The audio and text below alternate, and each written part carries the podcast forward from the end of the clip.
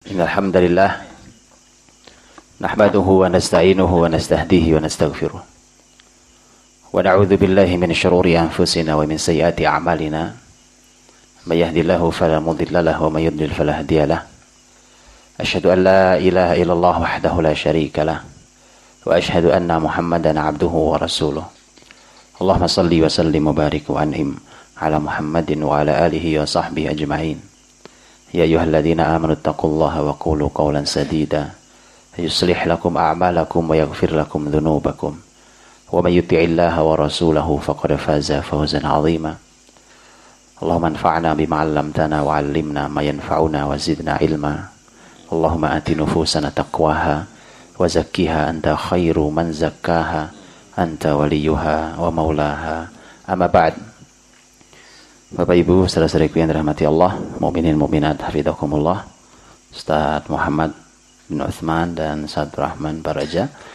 Alhamdulillah kita dipertemukan Allah dan saya bersilaturahim satu kehormatan, kemuliaan untuk bisa bersilaturahim dengan semua Bapak dan Ibu semua. Eh, Alhamdulillah kita diberi Allah kesempatan untuk duduk di sebuah majelis ilmu yang para ulama mengatakan majelis ilmu seperti ini lebih mulia daripada amal sunnah. Amal sunnah dan ini satu kemuliaan yang sangat luar biasa. Maka kita syukuri bahwa kita e, duduk dengan keikhlasan maka akan tercatat sebagai sebuah kemuliaan di sisi Allah Subhanahu wa taala. Bapak Ibu berbagian dalam Allah.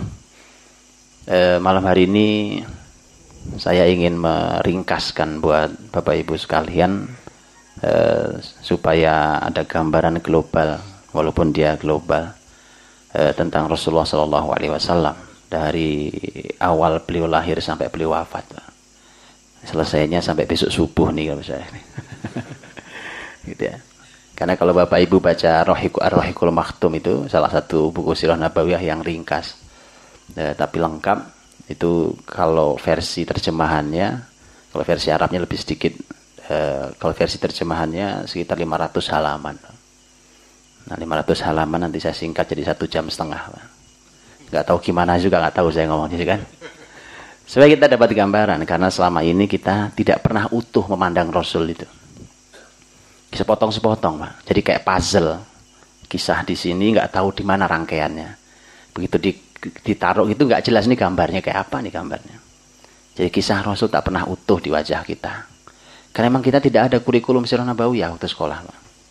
Itu sangat disayangkan. Ada sekali ada kurikulum sirah nabawiyah nggak selesai. Sekali belajar keruh ilmunya. Apalagi kalau sudah belajar sahabat, keruh sekali. Negeri ini memang perlu perbaikan luar biasa. Nah, jadi awal saya ingin sampaikan bahwa e, sepertiga Al-Quran itu kisah isinya. Pak. Sepertiga Quran isinya kisah. Kisah umat terdahulu, sejarah. Tiba-tiba hari ini sejarah itu menjadi kurikulum yang diabaikan di sekolah-sekolah kita. Dianggap nggak penting, dianggap nggak menarik. Memang salah juga gurunya, Pak. Menyampaikan sejarah itu hanya tumpukan peristiwa, tahun, dan nama orang. Begitu ujian, muridnya udah takut duluan kan. Karena disuruh ngapal nama, tahun, peristiwa apa terjadi, kapan, siapa saja tokoh. Orang malas ngapal. Padahal kisah itu makna makna utamanya bukan itu. Makna utamanya adalah apa yang disampaikan di akhir surat Yusuf. Akhir surat Yusuf itu kan surat yang menarik. Surat Yusuf itu mengawali kisah, mengawali surat Yusuf Allah berfirman, Alif lam ra tilka ayatul kitabil mubin. Inna anzalnahu Qur'anan Arabiyyan la'allakum ta'qilun. Nahnu naqussu 'alaika ahsanal qasas bima auhayna ilaika hadzal Qur'an. Jadi kata Allah Subhanahu wa taala, kami kisahkan kepadamu kisah terbaik. Ini sudah firman. Kisah terbaik yang ada dalam Quran ini. Jadi seluruh kisah Quran ini kisah terbaik. Nah, karena dia ada dalam surat Yusuf maka spesial tentang surat Yusuf ini. Maka itu surat Yusuf itu surat yang secara kisah sangat spesial. Kita tahu, Bang. Dan utuh dari awal sampai akhir tentang Nabiullah Yusuf alaihissalam. Di akhir surat Yusuf, ayat 111 itu akhir surat Yusuf. Allah berfirman, "Wa kana fi qasasihim ibrah li ulil albab, ma kana haditha yuftara, walakin tasdiqal ladzi baina yadayhi wa tafsila kulli syai' wa huda wa rahmah liqaumi yu'minun. Sungguh pada kisah-kisah mereka terdapat ibrah, pelajaran. Ibrah liulil albab untuk mereka yang mau berpikir. Memang ceri kisah itu kalau nggak direnungi Pak, itu jadi dongeng. Sejarah itu jadi dongeng. Padahal Quran menolak disebut sebagai asatirul awalin. Bedakan. Orang-orang orang-orang jahiliyah, musuh-musuh Islam itu itu menyebut Quran sebagai asatirul awalin. Asatirul awalin itu artinya adalah dongeng orang-orang terdahulu. Karena memang sepertiga isinya kisah. Tapi Quran tidak mau disebut asatirul awalin. Kenapa? Karena beda. Dongeng dengan kisah itu beda. Makanya kalau sama anak jangan dongeng. Berkisah. Beda. Allah menyebut qasas. Laqad kana fi qasasihim. Kisah. Dan ada surat Al-Qasas. Tapi nggak ada surat Al-Usturah atau Asatir, tidak ada. Karena Quran bukan dongeng. Nah, kalau bedanya apa? Bedanya kalau kisah itu terjadi betul peristiwanya dalam sejarah. Kalau dongeng ya kancil nyolong timun tuh dongeng gitu, Eh, apa tuh? Bawang merah, bawang putih dongeng ya kan? Kalau di sini nggak tahu dongeng apa lagi kan? Ya, ya Gunung Kelut meletus ya dongengnya juga ada legendanya itu. Bukan itu. Dan itu itu tidak tidak ada dalam Islam. Quran tidak suka disebut sebagai asatirul awalin. Tapi kalau kisah, itu Quran sepertiga isinya kisah. Bisa dibayangkan artinya, Quran ini, kan Quran ini fungsinya adalah membangun generasi saat itu, eh, dan kemudian menghapus kejahilian yang merata di seluruh penjuru bumi sampai menjadi Islam. Artinya, pendidikan generasi dalam Islam itu ternyata sepertiganya pakai kisah. Pak. Karena tadi fungsinya adalah ibrah liulil albab. Makanya harus dipikirkan, direnungi, dipikirkan baru jadi ibrah. Maka nah hadis yuftara. Ini bukan hal yang diada-ada. Hal yang diada-ada itu tadi. Mana ada kancil nyolong timun, berantem sama Pak Tani. itu diada-ada namanya Pak.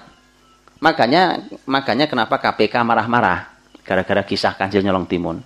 Kemudian korupsi menyebar di negeri ini. Karena sebelum tidur diceritain tentang kancil nyolong timun. Pak. Iya, akhirnya yang tertanam di kepala anak-anak kita, yang cerdik itu si kancil, si maling itu. Yang nasibnya buruk selalu petani. Maka di negeri ini petani gak pernah makmur, Pak. Kira, iya, loh, coba kisah itu dahsyat loh, Pak. Coba deh, bayangkan kita masih terbayang kisah waktu kita di usia kecil. Alangkah dahsyatnya kalau yang masuk adalah kisah Rasulullah. Kalau yang masuk adalah sejarah-sejarah Islam, kebesaran Islam itu. Nah, jadi makan hadis yuftara. Quran Quran ini termasuk di dalamnya adalah kisah itu bukan hal yang diada-ada, betul terjadi. Walakin tasdiqal ladzi baina yadayhi. Tapi ini fungsinya adalah untuk membenarkan, mengimani apa yang telah lalu. Wa tafsila kulli syai' menjelaskan detail segala sesuatu. Termasuk kisah itu bisa menjelaskan detail segala sesuatu. Begini Pak, saya sampaikan. Menjelaskan detail segala sesuatu contohnya, umpamanya Anda mau menjelaskan apa, itu kalau dijelaskannya pakai kisah, itu enak, Pak. Anda mau negur orang, itu kok negur pakai kisah enak. Karena halus, kisah itu halus. Saya gini, umpamanya saya mau menegur teman saya. Teman saya ini umpamanya apa ya, beliau punya kebiasaan tidak baik. Saya bilang, ya sini, saya nasihat, duduk sini. Antum ini begini, begini, begini. Tidak semua orang bisa terima. Tapi kalau pakai kisah lain ceritanya, saya cerita sesuatu. Dulu, ya, tahun sekian di negeri Andalus pernah terjadi begini. Gini, gini, gini kisahnya. Lihat, tidak bagus ternyata itu. Karena itu begini dan enak pak. Ya. Tinggal kalau mau dikata kunci terakhir kita tinggal bilang kisah ini saya hadiahkan untuk antum. Enak pak. Dan harus, harus sampai pada tingkat itu. Orang tua itu kita sebagai orang tua, sebagai guru, sebagai apa masyarakat ini itu subhanallah. Allah sampaikan kisah itu lembut sekali. Masuk ke orang itu, bahkan kalau mau negur dengan cara yang paling lembut. Dan itulah kenapa Quran wa tafsila kulli menjelaskan segala sesuatu dengan detail. Wa huda wa rahmah sebagai petunjuk, sebagai rahmat liqaumi yu'minun untuk kaum yang beriman. Huda petunjuk. Kita dapatkan di Quran petunjuk. Kalau kisah itu sepertiga Quran, ada petunjuk di sana. Ini bukan sesuatu yang terjadi terus lewat begitu. Kisah bukan masa lalu yang tidak terulang. Rahmat, sebagai rahmat. Ya, saya kasih contoh, Bang. Kalau kita membaca sejarah Nabi Shallallahu Alaihi Wasallam, ya, ini usianya masih muda-muda, yang, yang, tua, yang mana nggak ada, muda semua jadi kan. Bersyukur, Pak. Masih muda-muda sudah dapat hidayah, mau duduk mendengarkan ilmu, masya Allah. Ya, luar biasa. Sahabat-sahabat Nabi SAW. Tidak semuanya usia muda. Ada yang ada yang sudah 60 tahun lebih baru kenal Islam. Baru kenal Islam. Bersyukur kita. Ya kan? Termasuk Amr bin Jamuh radhiyallahu anhu. Sahabat sudah tua. Sudah tua, ya kan? Usia sudah tua. Kakinya pincang. Ya, kemudian e, masuk Islam belakangan. Anak-anaknya masuk Islam lebih dulu direkayasa oleh anak-anaknya bagaimana hidayah bisa sampai ke bapaknya. Dan alhamdulillah masuk Islam. Gitu. Begitu diumumkan perang Uhud, maka Amr bin Jamuh minta izin kepada Nabi uh, pada Nabi SAW untuk jihad. Anak-anaknya bilang ya Rasulullah bapak saya sudah tua, kakinya pun pincang. Apakah tidak di, tidak diizinkan kalau beliau tidak ikut perang? Kata Nabi diizinkan. Diizinkan. Laisa 'alal a'ma haraju wala 'alal maridi haraju dan seterusnya bahwa memang ada keringanan orang yang cacat, apalagi sudah tua, nggak apa-apa. Tapi Amr bin Jamu bilang ke anak-anaknya, dibilang biarkan ayahmu ikut perang, ya kan? Kamu kan muda-muda, ya kan? Bapak ini sudah tua, ya. Islam terlambat pula, ya kan? Masuk Islam terlambat sudah. Akhirnya beliau di Uhud teriak-teriak gitu, Pak. Dia di Uhud teriak-teriak, dia bilang, saya cium aroma surga dari balik Uhud. Inni uridu an atau al jannah bi'arji hadha. Saya ingin menginjak surga dengan kaki pincangku ini. Makanya kalau sudah tua, terlambat, baru kenal Islam, memang cara termudah untuk masuk surga itu syahid. Ya. Oh, sudah kelamaan dosanya. Jadi Tapi harus betul kalau jihad. Jihad di tempatnya, bukan nggak sembarangan. Tapi maksud saya, kita belajar itu, kita terasa ya Allah rahmat Allah buat kita. Huda wa rahmah liqaumi yu'minun. Ini rahmat orang beriman. Kita punya masalah apa? Tanya di sejarah ada solusinya. Bahkan bangsa besar ini yang sedang sakit nih, saya boleh katakan kalau diizinkan itu saya katakan ada solusinya dalam sejarah ada, Pak.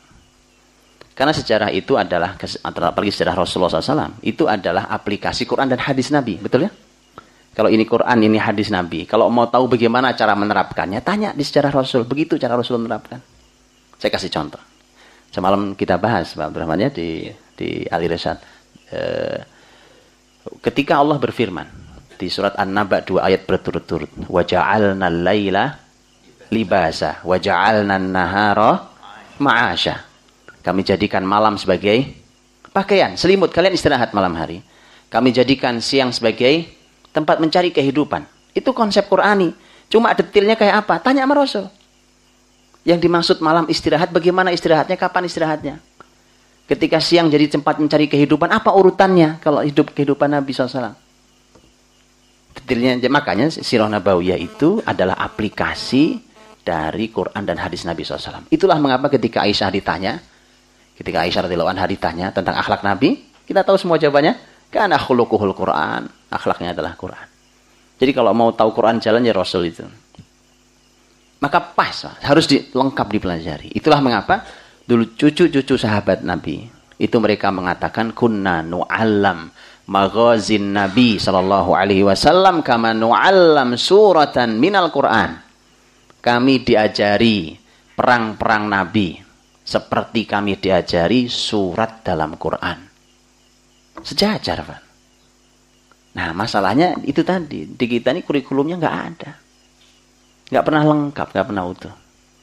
Maka mari kita izin izinkan saya malam ini saya ringkaskan, Pak. Ringkas ini. Namanya meringkas tuh ya ya nggak akan senang sempurna, namanya ringkasan ya kan.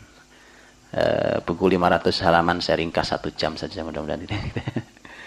Baik Bapak Ibu rahmati Allah Subhanahu wa taala. Setidaknya nanti kita akan memiliki gambaran dan satu lagi sebelum saya sampaikan saya mulai yaitu eh, ketika berbicara tentang sejarah itu memang terjadinya di masa lalu Pak. tetapi dia bukan masa lalu yang tidak berulang saya kasih langsung contoh dalam sirah nabawiyah Rasulullah SAW begitu mendapatkan kabar di perang Badar karena beliau di Badar. Kita sampaikan, "Ya Rasulullah, Abu Jahal mati." Abu Jahal yang sangat memusuhi Rasul dan Islam. Mati di perang Badar. Begitu Rasul mendengarkan kabar apa kalimat beliau, "Allahu Akbar." Hada Fir'aun hadhil ummah. Kata Nabi Allahu Akbar. Itu tuh orang tuh Fir'aunnya umat ini. Fir'aun ada zaman siapa? Nabi Musa. Tapi ternyata zaman Nabi juga ada Fir'aun. Lihat. Artinya sejarah itu memang terjadi di masa lalu. Tapi berulang dia. Saya kasih contoh yang lain. Waktu Nabi Shallallahu Alaihi Wasallam eh, tahun 8 Hijriah eh, terjadi peristiwa besar Fathu Makkah. Nabi berhasil masuk ke kota Makkah dengan 10 ribu sahabatnya. Kemudian membuka kota Makkah, membersihkan Makkah dari kemusyrikan. E, menghantarkan hidayah bagi bagi masyarakat Makkah dan sekitarnya. Di saat itu kemudian Nabi mengumpulkan pembesar-pembesar Quraisy. Nabi naik ke pintu Ka'bah itu. Kemudian pembesar-pembesar Quraisy pada berdiri di sana dengan ketakutan. Karena mereka membayangkan, terbayang masa lalu mereka, dulu mereka jahatnya luar biasa sama Rasul. Nabi SAW nanya, Mata dhunnun anni fa'ilun bikum. Menurut kalian mau saya apain kalian? Jadi orang udah ketakutan digituin pula. Itu tambah takut. Orang udah gemeter, Pak. Mereka udah ah mati kita nih. Udah mati, mati kita nih kalau begini. Bisa dihukum mati. Karena memang Nabi sudah mengumumkan nama-nama orang tertentu yang dihukum mati. Dan Imam Ibnu Hajar mengumpulkannya sampai sekian belas nama. Dalam Fathul Bari beliau mengumpulkan sekian belas nama. Itu jelas dinyampaikan oleh Nabi di mana pun kalian jumpai nama-nama ini bahkan mereka bergelantungan di sitar Ka'bah, bunuh mereka. Itu penjahat-penjahat perang. Ketika pembesar-pembesar yang, yang tidak disebut namanya dikumpulin sama Nabi. Nabi tanya, kira mana? Menurut kalian mau saya apain kalian? Ya kan? Gemeter, Pak. Mereka bilang, Akhun Karim, Ibnu Akhin Karim. Kalian kan, kamu kan saudara kami yang baik. Anaknya saudara kami yang baik. Itu itu bahasanya orang kalah, Pak. Ya. Nabi, Nabi SAW mengatakan, idhabu fa antumutulako. Kalian kalian pergi semua. Silahkan kalian pergi, kalian semua saya bebaskan. Kalian semua saya maafkan. Hari ini, kata Nabi, saya ingin berkata seperti Yusuf berkata pada saudara-saudaranya. La tatriba alikumul yaum yaghfirullahu lakum. Sudah tidak ada lagi kesalahan kalian pada saya. Mudah-mudahan Allah ampuni kalian. Lihat. Nabi SAW mengambil kisah Yusuf. Kisahnya sudah terjadi masa lalu. Dan Yusuf dengan saudaranya. Betul ya? Kita tahu kisahnya. Bagaimana Yusuf dijahati oleh saudara-saudaranya. Subhanallah gara-gara Yusuf dibuang ke sumur itu.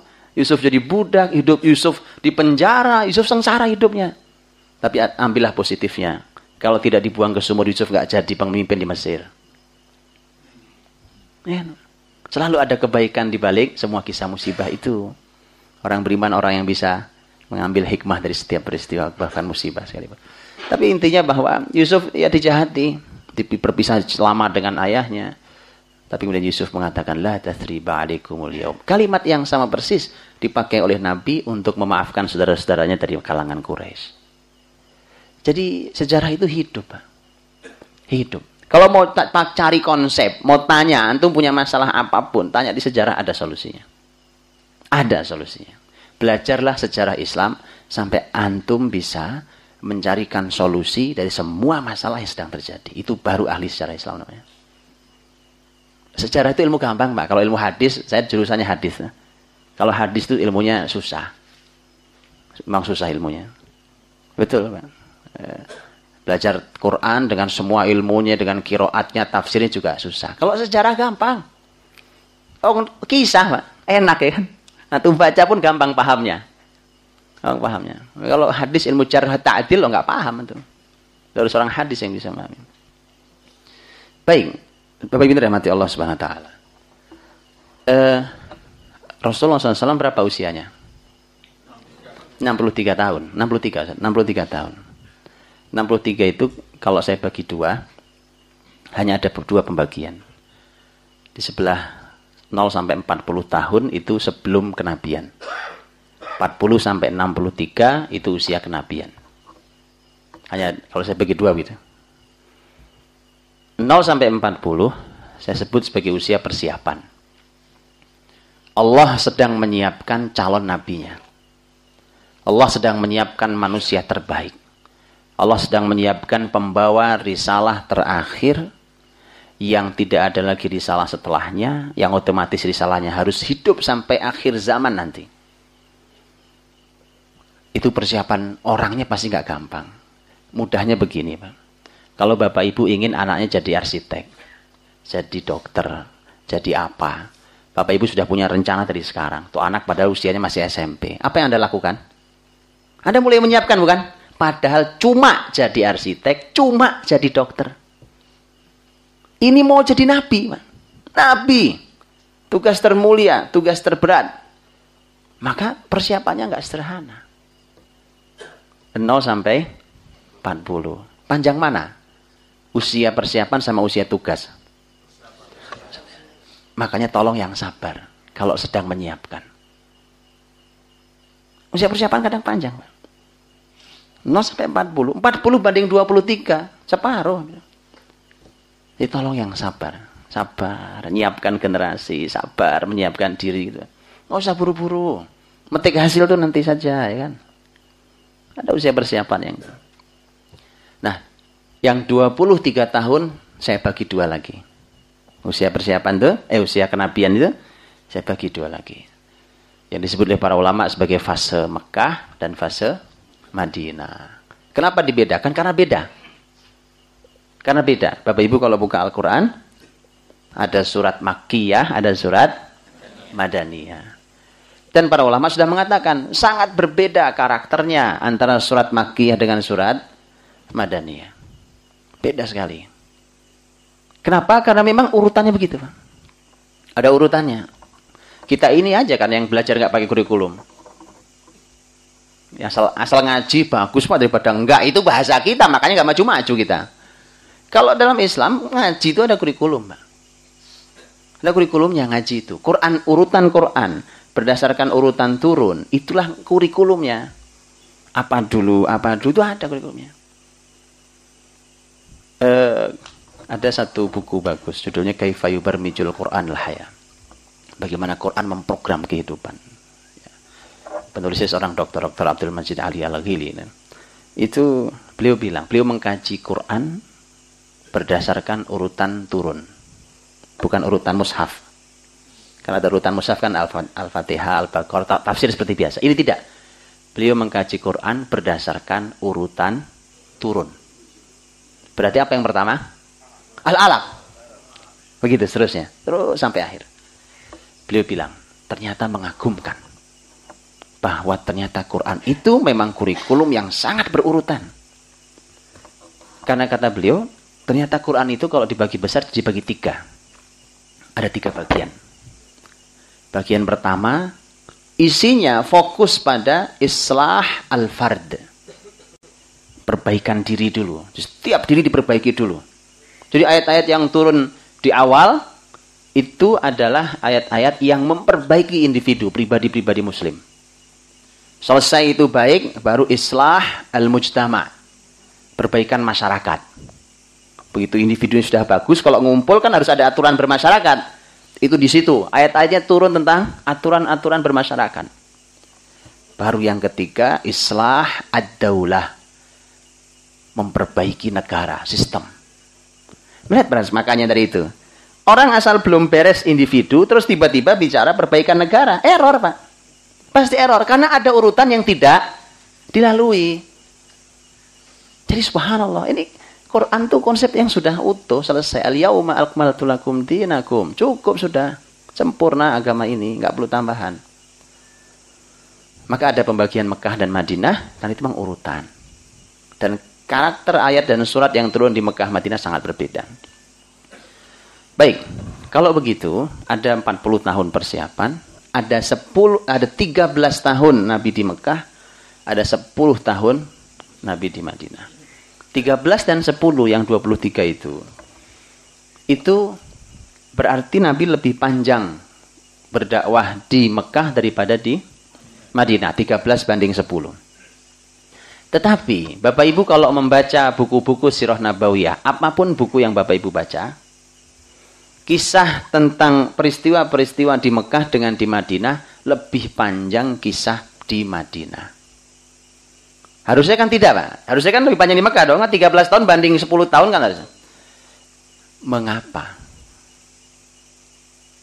Itu menarik. Mengapa? Karena memang tadi Pak, 13 tahun itu adalah usia di mana Nabi Muhammad Shallallahu alaihi wasallam sedang menyiapkan para sahabatnya. Lagi bikin pondasi, Pak. Kalau buat pondasi itu nggak usah banyak ngomong ya kan. Buat pondasi kok udah keluar-keluar nak karu-karuan. Ibarat pohon masih tunas. Bang. Dan itu Allah firmankan di akhir surat Al-Fatih. Tentang perumpamaan Muhammad SAW dan pengikutnya. Muhammadur Rasulullah. Betul ya? Walladzina ma'ahu. Asyidda wa'alal kuffar ruhama bainahum tarahum ruka'an sujud dan seterusnya. Sampai dalam perumpamaan dalam Injil kazar'in akhraja syat'ahu fa'azarahu fastaghlada fastawa 'ala suqih yu'jibu zurra'a liyaghidha bihimul kuffar. Jadi membangun umat itu kalau diibaratkan di, di akhir surat Al-Fat itu yang tercatat dalam Injil seperti nanam pohon. Nanam pohon, Pak. Tanam pohon begitu tumbuh tunas. Tunas akan terus tumbuh tinggi, besar, kokoh sekali. Pohon kalau sudah begitu, yu'jibu zurra' mengagumkan penanamnya.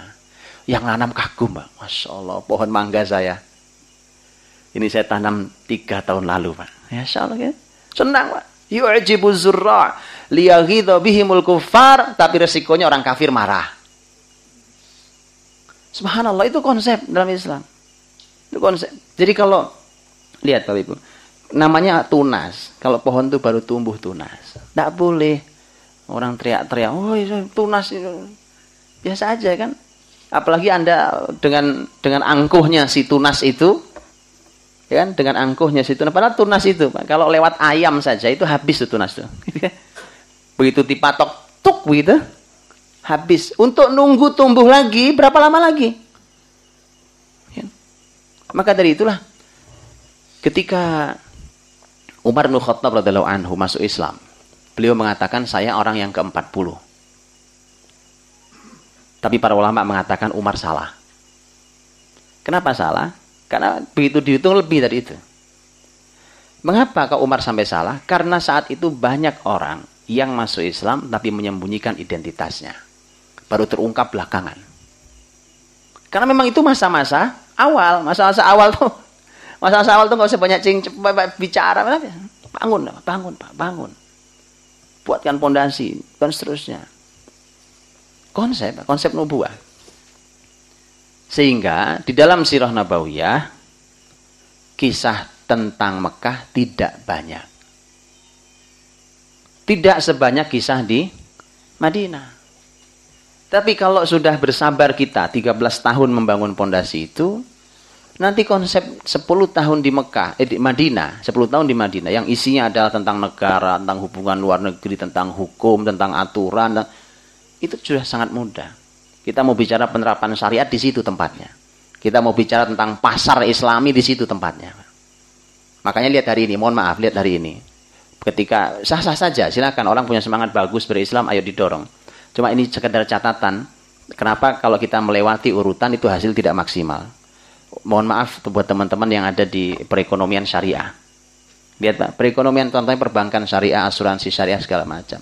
Menurut saya secara pribadi semakin tidak menarik. Mohon maaf. Mohon maaf sekali lagi. Umpamanya saya contoh. Ada kredit card syariah. Di mana syariahnya? Ngutang sistemik itu di mana syariahnya? Tunjukkan Pak. Ini bukan masalah aturan sistemnya berhutang dijadikan sistem itu di mana syariahnya? Oh Nabi mendorong kita untuk cash ya dan biadin. Utang itu boleh dalam Islam, tapi tidak jadikan sistem. Bahkan Nabi nggak mau nyolati orang yang punya utang. Cuk untung Nabi nggak hidup hari ini. Kalau hidup hari ini nggak ada yang disolati Nabi kita pak. Ih, karena dibuat sistemik berhutang. Di mana ada aturan ada hutang sistemik terus syariah itu di mana syariahnya? Ini baru satu, belum lagi memang yang memang tidak berminat dan mudorobah bermainan saja. Mohon maaf nih, sekali lagi saya mohon maaf. Kenapa? Aslinya memang kita belum punya pondasi 13 tahun itu.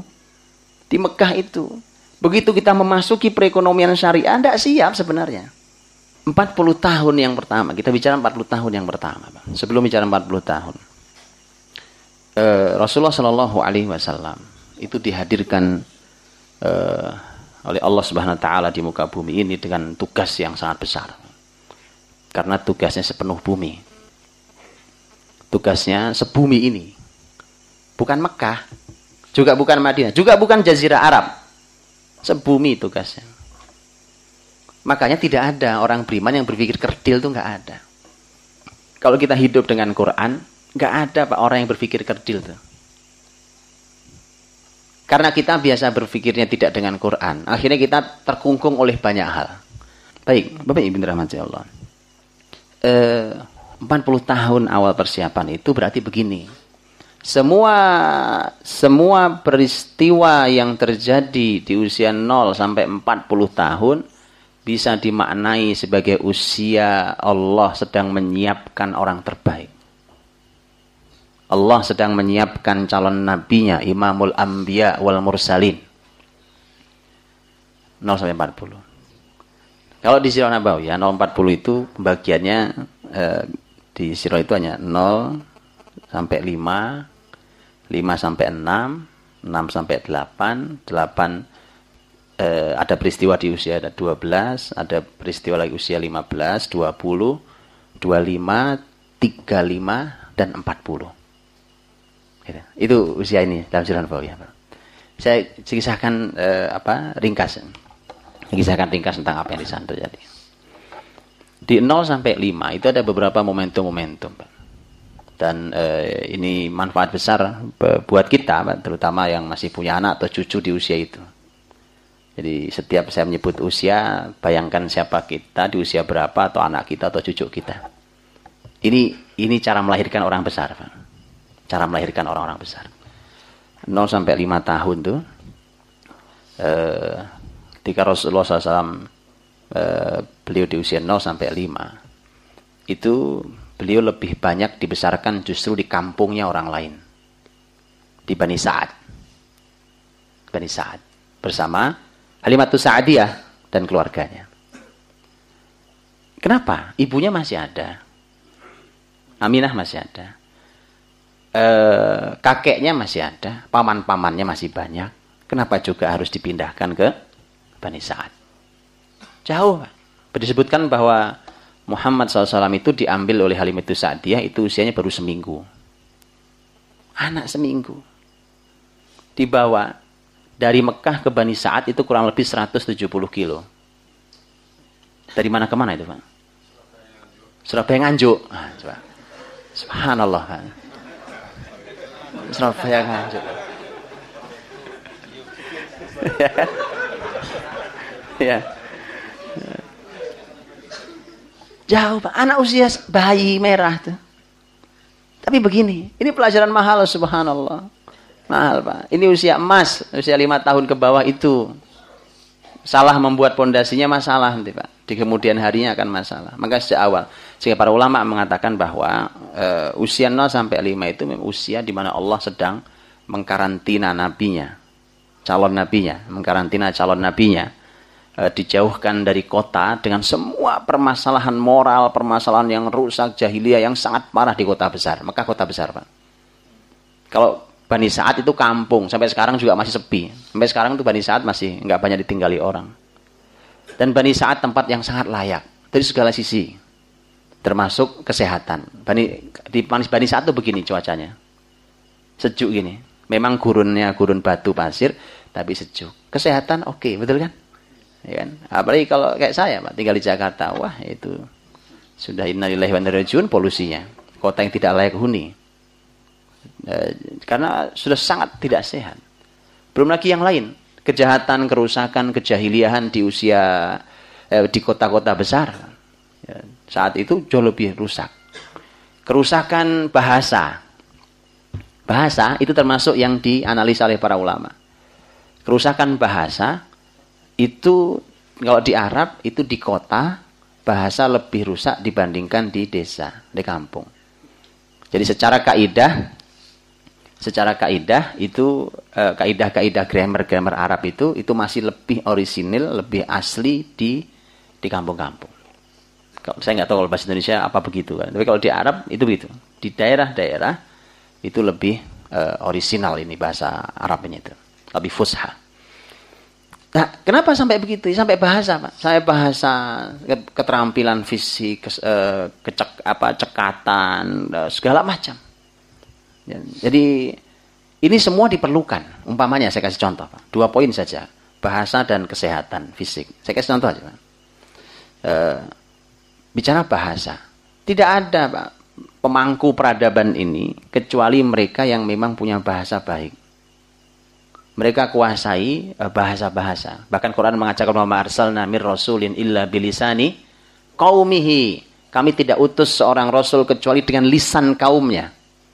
Maka Nabi Musa ketika mau menghadap ke Firaun diperintahkan mendakwahi apa permintaannya? Rabbi syrahli sadri wa yassirli amri wahlul uqdatam min lisani yafqahu qawli Waj'al wazira min ahli Haruna akhi dan seterusnya. Jadi salah satu yang diminta adalah ya Allah hilangkan ini ikatan-ikatan yang mengikat lisan saya susah bicara saya. Dan maka saya minta Harun temani saya, saudara saya ini. Karena penting. Lisan kaumnya. Lisan kaumnya. Jadi kalau orang Jawa harus bisa bahasa Jawa, Pak. Dengan baik. Itu modal semua rasul. Bilisan kaumnya. Nah, setelah itu pelajarilah bahasa peradaban. Bermacam-macam. Mungkin bahasa Arab, ah, mungkin bahasa Inggris, mungkin bahasa Perancis, Cina, itu bahasa peradaban. Kalau ke depan ini bahasa peradabannya ya bahasa Quran pasti. Bahasa Quran. Karena ketika seseorang, orang secerdas apa pun, sehebat apa pun, dia nggak bisa bicara, menyampaikan dengan baik. Nggak sampai itu risalah. Dia perlu orang, eh, tadi, dia punya kemampuan yang baik. Sehingga Nabi Muhammad SAW menyampaikan tentang diri beliau mengatakan ini uti itu Jawa mi'al kalim. Aku oleh Allah dianugerahi Jawa mi' kalim. Jawa mi' kalim itu artinya adalah uh, beliau berbicara dengan lisan yang singkat, sederhana kalimatnya, tapi itu maknanya dalam dan luas. Itu Jawa mi' kalim. Gini Pak, kan ada orang yang kalau mau menyampaikan sesuatu itu muter-muter nggak nyampe-nyampe. Itu bukan Jawa mi' kalim namanya, itu Nah, itu itu perlu berlatih dia. Ya. Sudah ngomong begini maksudnya. Kamu paham gak sih saya ngomong ya kan? Udah berkali-kali dia bicara, orang susah memahaminya. Apalagi bahasa tulisan. Ya. Nulis satu paragraf dihapus lagi. Nulis satu surat satu paragraf dihapus lagi. Jadi itu perlu keahlian. Karena itu ternyata salah satu keahlian di para pembangun peradaban itu. Kesehatan. Kesehatan. Kesehatan juga demikian. Dari sejak awal usia 0 sampai 5. Itu calon nabi ini itu di kesehatannya Allah jaga, dilatih fisiknya segala macam. Hari ini sudah sangat banyak hal yang merusak kesehatan anak-anak kita. Makanan merusak, waktu istirahat mereka tidak benar. Sudah begitu mereka diberikan permainan yang membuat mereka tidak bergerak. Betul? Amerika itu mengeluarkan dana yang tidak kecil. Pak untuk memerangi obesitas pada anak-anak. Kegendutan anak-anak. Faktornya adalah karena mereka jarang bergerak. Mereka bisa duduk di depan monitornya berjam-jam. Bahkan ada yang mati gara-gara itu. Terus kita, gitu ya, tiba-tiba mengikuti aja itu konsep. Bapaknya dengan begitu bangganya, ini hadiah ulang tahun Muna. Ini hadiahmu atas prestasi, dikasih PlayStation. Saya bilang, saya bilang ayo tobatan nasuha yang pernah ngasih itu. Betul, istighfar yang banyak tobatan nasuha itu merusak anak kita. Eh, betul Pak. Ini konsep dalam nubuah.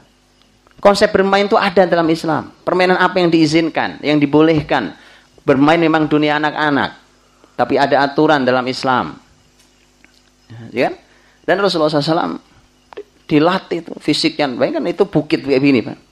Bani satu ya bukit gini. Naik turun, naik turun, bermain dengan ini. Kemudian udara bagus, kesehatan bagus. Kenapa kesehatan penting buat seorang rasul? Penting. Ya, sekarang begini, kalau umpamanya rasul dirawat terus, lah kapan mau dakwahnya? Betul? Iya, tugasnya sebumi pula. Dikit-dikit sakit, dikit-dikit dirawat, dikit-dikit masuk rumah sakit. Kalau sekarang ya, nah terus kapan mau mengurus negeri ini? Perlu orang yang prima, orang yang kuat, sehat. Makanya Nabi sampai akhir sehatnya luar biasa. Sehat. Dan pola hidup Nabi adalah pola paling sehat yang ada di muka bumi. Karena bimbingannya langsung Quran. Itu sebagian pelajaran. Dari 0 sampai 5 itu ya, seperti itu. Ada satu poin yang saya lupa, ya, yaitu tentang nasab. Karena kalau bicara sirah pasti mulai dari nasab. Eh, nasab itu pentingnya luar biasa. Kalau di sini ada eh, teman-teman uh, bernasab Arab, uh, mereka bersyukur karena nasabnya jelas. Nah, kayak saya ini nggak tahu mentok ke mana nasab saya kebetulan Pak ini saya tidak tahu. Ya kan, saya ini nyampe ken arok apa ken dedes saya nggak tahu saya. saya nggak ngerti. Ya, kayak beliau jelas nah. Nasabnya mau ke, nasabnya ke mana jelas arahnya. Itu harus dipertahankan, Pak. Sebegitu penting, ya, sebegitu pentingnya nasab. Lihat. Rasulullah SAW Quraisy. Bahkan pilihan dari Quraisy. Karena keluarga Bani Hashim. Quraisy Bani Hashim eh, sebagai gambaran saja empat khulafaur rasyidin radhiyallahu anhum ajma'in Abu Bakar As-Siddiq itu Bani Taim Quraisy tapi Bani Taim uh, Umar Bani Adi Al-Adawi kemudian Utsman Al-Umawi nah Ali sama dengan Rasul Bani Hashim empat-empatnya Quraisy tapi pilihan yang terpilih dari Quraisy adalah Bani Hashim dari seluruh Arab Quraisy ada paling pilihan Quraisy paling pilihan di seluruh masyarakat Arab dari sekian banyak suku Arab. Ya. Jadi artinya bahwa pilihan makanya ketika Abu Sufyan ini disampaikan dalam Sahih Bukhari. Ketika Abu Sufyan waktu itu belum masuk Islam, dia berdagang ke negeri Syam uh, di wilayah Al-Quds. Kemudian dia dipanggil uh, rombongan dagang Arab Quraisy ini dipanggil oleh Kaisar Romawi Heraklius Heraklius mau ingin tahu tentang banyak hal, e, terutama tentang kabar adanya orang yang ngaku jadi nabi adanya di Mekah. Karena Heraklius itu ahli kitab. Dan dia tahu bahwa akan datang nabi terakhir dengan ciri yang lengkap tercatat dalam Alkitabnya. Ketika ada berita bahwa ada yang ngaku jadi nabi di Mekah, dia ingin tahu. Nah, kebetulan ini ada rombongan Mekah dagang dipanggil. Abu Sufyan jadi juru bicara. Banyak pertanyaan Heraklius di antaranya. Apakah yang ngaku jadi nabi dari tempatmu itu zu nasab? Apa nasabnya tinggi? Kata Abu Sufyan, ya, kalau nasabnya itu orang tinggi sekali. Rasulullah Muhammad SAW, Bani Hashim, nasabnya sangat tinggi, paling tinggi di antara kami. Apa kalimat Heraklius? Mengapa saya tanyakan ini? Karena tidak ada nabi kecuali berasal dari nasab yang tinggi. Siapa pun nabinya. Eh, nasab penting, Pak. Nasab penting. Untuk itulah e, ketika bicara nasab, kita ini nasabnya siapa sampai ke mana, itu akan mempermudah kita untuk menganalisa apa kelebihan kita. Ini PR nih Pak. PR, nanti tolong ya kan, pulang, ini terutama yang kayak saya yang nasabnya nggak jelas-jelas ini ya kan, ya tolong dicarikan ke mana kita nasab kita ini dan apa kehebatannya. Nabi menyebut dua bahasa, nasab dan hasab. Nasab pakai nun, pakai ha, hasab. Kalau nasab itu rangkaian silsilah kita. Budi Azhari bin bin bin bin itu e, nasab namanya. Kalau hasab itu artinya adalah apa karya besar keluarga kita. Dua-duanya harus dicari itu, Pak. Karena kalau itu ketemu, kita bisa katakan pada kita dan anak turun kita, ada kehebatan ini dalam dirimu. Itu kalau dipupuk gampang banget jadinya. Pak. Jadi menganalisa kehebatan anak-anak itu gampang, Pak. Ya, nggak usah pakai fingerprint, apa-apa kita ujian, apa tes otak, kelamaan. Betul Pak. Dengan konsep nasab sederhana.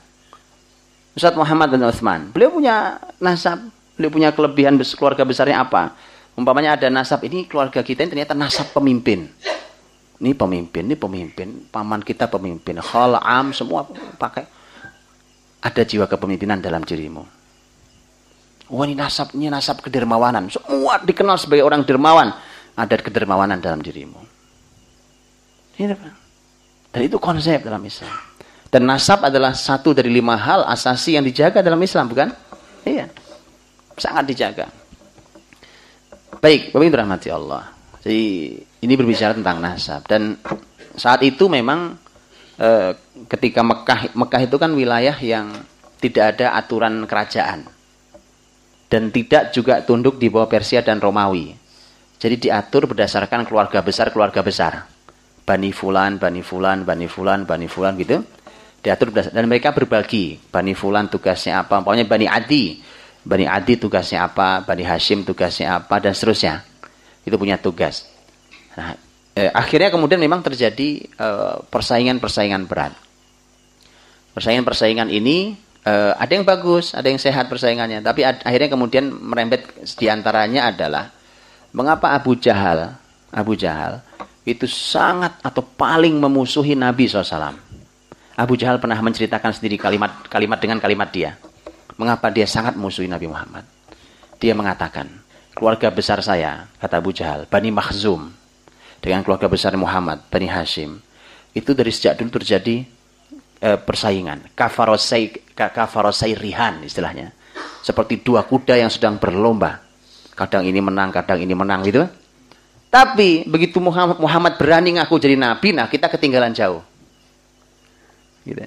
Jadi dia pikir, dia pikir bahwa mengaku jadi nabi itu adalah rangkaian dari persaingan keluarga besar. Abu Jahal, Pak. Akhirnya tidak mau terima dia. Tidak mau terima itu. Tapi memang harus hati-hati. Berbicara nasab itu bukan berarti menghina nasab lain. Karena itu perbuatan jahiliyah. Ya, perbuatan jahiliyah. Tapi nasab dalam Islam itu sesuatu yang harus dijaga. Baik, Bapak Ibu dirahmati Allah. E, kembali pada tadi kalau 0 sampai 5, kemudian nanti 5 sampai 6. 5 sampai 6 itu 5 sampai 6 itu Rasulullah SAW di, dipulangkan ke ibunya. Dan ada peristiwa besar di sana, peristiwa syakus syakus sadr namanya. Syakus sadr itu pembelahan dada, Pak. Dalam riwayat yang sirah yang sahih disebutkan bahwa Eh, pembelahan dada Nabi terjadi dua kali dalam hidupnya. Yang pertama itu di, di akhir bersama Halimatus Sa'diyah di usia kurang lebih empat atau lima tahun. Yang peristiwa kedua adalah menjelang Isra dan Mi'raj. Dua kali terjadi pembelahan dada Nabi. Apa fungsinya? Pembelahan dada itu apa fungsinya? Karena jelas kalimatnya. Begitu dikeluarkan ada dikeluarkan sesuatu dari dada Nabi SAW dikatakan oleh malaikat hadzus syaitani mink ini jatahnya setan dalam dirimu. Diambil, dicuci, pakai air zam-zam, tutup lagi. Anas bin Malik mengatakan, saya masih bisa melihat bekas jahitan jahitannya malaikat. Malaikat yang jahit sebenarnya canggih pak sebenarnya. Ya kan nggak perlu menyisakan bekas. Tapi ini supaya kelihatan supaya orang tahu ini ada bekasnya kan? Iya. Jadi mau kedokteran canggih dunia malaikat ya. Iya pak. Bedah. Gimana pak dokter? Iya pak dokter ya. Salah. Iya. Jadi eh, disisakan supaya jadi tanda saja. Anas mengatakan saya masih bisa melihat bekas bekas eh, dada Nabi belah dada Nabi SAW. Dan lihat Pak, jadi anak usia lima tahun, jadi bersihkan dadanya Pak. Jatah setan nggak boleh ada dalam dirimu. Dari usia awal. Makanya, makanya kalau kita anak lima anak kita usia 5 tahun, usia 0 sampai 5, 5 tahun, 6 tahun, usia pertumbuhan awal. Itu disuguhi goyangan erotis, disuguhi film-film porno, disuguhi tidak karuan, penampilan nggak jelas. Yang ada usia itu adalah usia membersihkan jatah setan, bukan malah anti masuki setan ke dalamnya. Masalah kita ini kan nggak pernah didatangi Jibril untuk dibelah dadanya, Pak masalahnya. Pak. Itu masalahnya. Sehingga dia ada dalam diri kita itu ada. Ya. Sehingga Nabi SAW mengatakan bahwa di dalam jiwa manusia itu selalu ada dua bisikan. Lammatun minal malak wa lammatun minas syaitan. Ada bisikan dari malaikat, ada bisikan dari setan. Karena kalau sinyalnya masih ada di sini. Kalau itu sudah diambil kan nggak ada sinyal sudah Pak. Aman sudah. Masalahnya nggak pernah dibelah dadanya kita kan sama malaikat. Pak dokter juga nggak ngerti. Mau belah di sebelah mana diambil dok. Nggak ngerti Pak dokternya. Iya. Karena ilmunya nggak pernah diturunkan sama Jibril dulu kita. Jadi kalaupun dibelah tidak tahu yang mana diambil. Alakulin bahwa makanya usia penjagaan sangat awal. Jangan dikotori. Jangan katakan bahwa masih kecil ini Pak. Lu justru pembinaan itu dari situ usianya. Di usia itulah mengawalinya. Lihat Pak, sudah dibelah dadanya. Pembelahan dada yang kedua jelas targetnya. Karena mau naik ke langit. Mau melakukan perjalanan yang tidak biasa. Hah? Mau bertemu Allah Subhanahu wa taala. Kita ini manusia bumi masih belum layak untuk menghadap Allah Subhanahu wa taala. Ya. Jibril saja berhenti di langit tujuh. Tidak melanjutkan perjalanan. Sehingga Nabi SAW mengatakan, aku lihat Jibril seperti kain rusak. Di langit tujuh, Jibril yang gagah itu, yang 600 sayap, yang satu sayapnya menutup ufuk antara timur dan barat. Jadi nggak perlu Allah mengirimkan banyak malaikat, Pak. Dicongkel dikit, toing, gitu hilang. ya kan? Nggak rumit. Tetapi ini kan ada hukum, hukum sebab akibat. Tapi lihat, begitu Jibril sampai di tempat tertingginya, langit tujuh. Kata Nabi, aku lihat Jibril seperti kain yang rusak. Hampar itu rusak. Jibril nggak nggak bisa melanjutkan perjalanan sendiri Muhammad ke atas. Artinya bahwa memang ada konsep pembelahan dada itu memang kita manusia bumi yang belum layak naik ke sana. Nah di situlah eh, maka kalau kita baca di surat Al-Jumu'ah ayat 2 kita akan jumpai konsep pendidikan yang dahsyat. Walladhi ba'atha fil ummiyin rasulam minhum yatlu alaihim ayatihi wa yuzakkihim wa yu'allimuhumul kitaba wal hikmah wa in kanu min qablu lafi dhalalim mubin. Dialah Allah yang telah mengutus orang rasul, rasul yang berasal dari masyarakat yang buta huruf. Yang e, tugasnya adalah membacakan Al-Qur'an, satu, mensucikan jiwa mereka, dua, mengajarkan Alkitab, tiga, mengajarkan Al-Hikmah, itu empat. Dulu mereka adalah umat yang sesat nyata. Artinya untuk menghilangkan umat yang sesat ini, masyarakat tanpa petunjuk ini, konsepnya urutannya begitu. Quran, tazkiyatun nafs, baru ilmu. Nah kita ini menumpuk ilmu di awal, jiwanya belum bersih. Makanya ilmu tidak mengantar dia menuju kepada Allah SWT. Yang ada tambah durhaka tuh manusia. Ya, ini urutan jangan dilewati. Quran dulu. Tilawah Quran itu. Quran itu kemudian pensucian jiwa baru ilmu. Itu urutannya. Ya, jadi kita ini sudah menjadi profesor Quran masih belajar tajwid. Salah, Pak, urutannya salah. Ini fatal. Makanya ilmunya tidak mengantarkan dia menuju mengagungkan Allah Subhanahu wa taala. Yang kita khawatir malah semakin jauh dari Allah, semakin angkuh dia dengan ilmunya. Semakin berani melawan ayat. Semakin berani melawan hadis Nabi sallallahu alaihi wasallam. Karena dia merasa dia ahli ilmu, ya, dia peneliti hebat. Baik itu pembelahan dada itu mengakhiri fase Muhammad SAW ada di rumahnya Khadijah, eh, eh, di rumahnya Halimatus Sa'diyah. Baru dipindahkan ke ibunya. Karena peristiwa itu menakutkan, maka Halimah memulangkan ke ibunya. Pulangkan ke ibunya, kemudian usia 6 ta 5 sampai 6 tahun bersama ibunya. Jadi tidak lama, bersama ibunya tidak lama. Lebih lama bersama Halimah saat dia. Ya, eh, bersama ibunya tidak lama malah, 6 tahun. 5 sampai 4 atau 5 sampai 6. Nah, itu arti kurang lebih usianya eh, hanya setahun lebih bersama ibunya. Dan menarik, Pak, menarik. Muhammad SAW lahir dalam keadaan yatim, bukan? Ya. Alam yajidka yatiman fa'awa. Bukankah dia Allah menjumpaimu yatim, kemudian Allah lindungi kamu.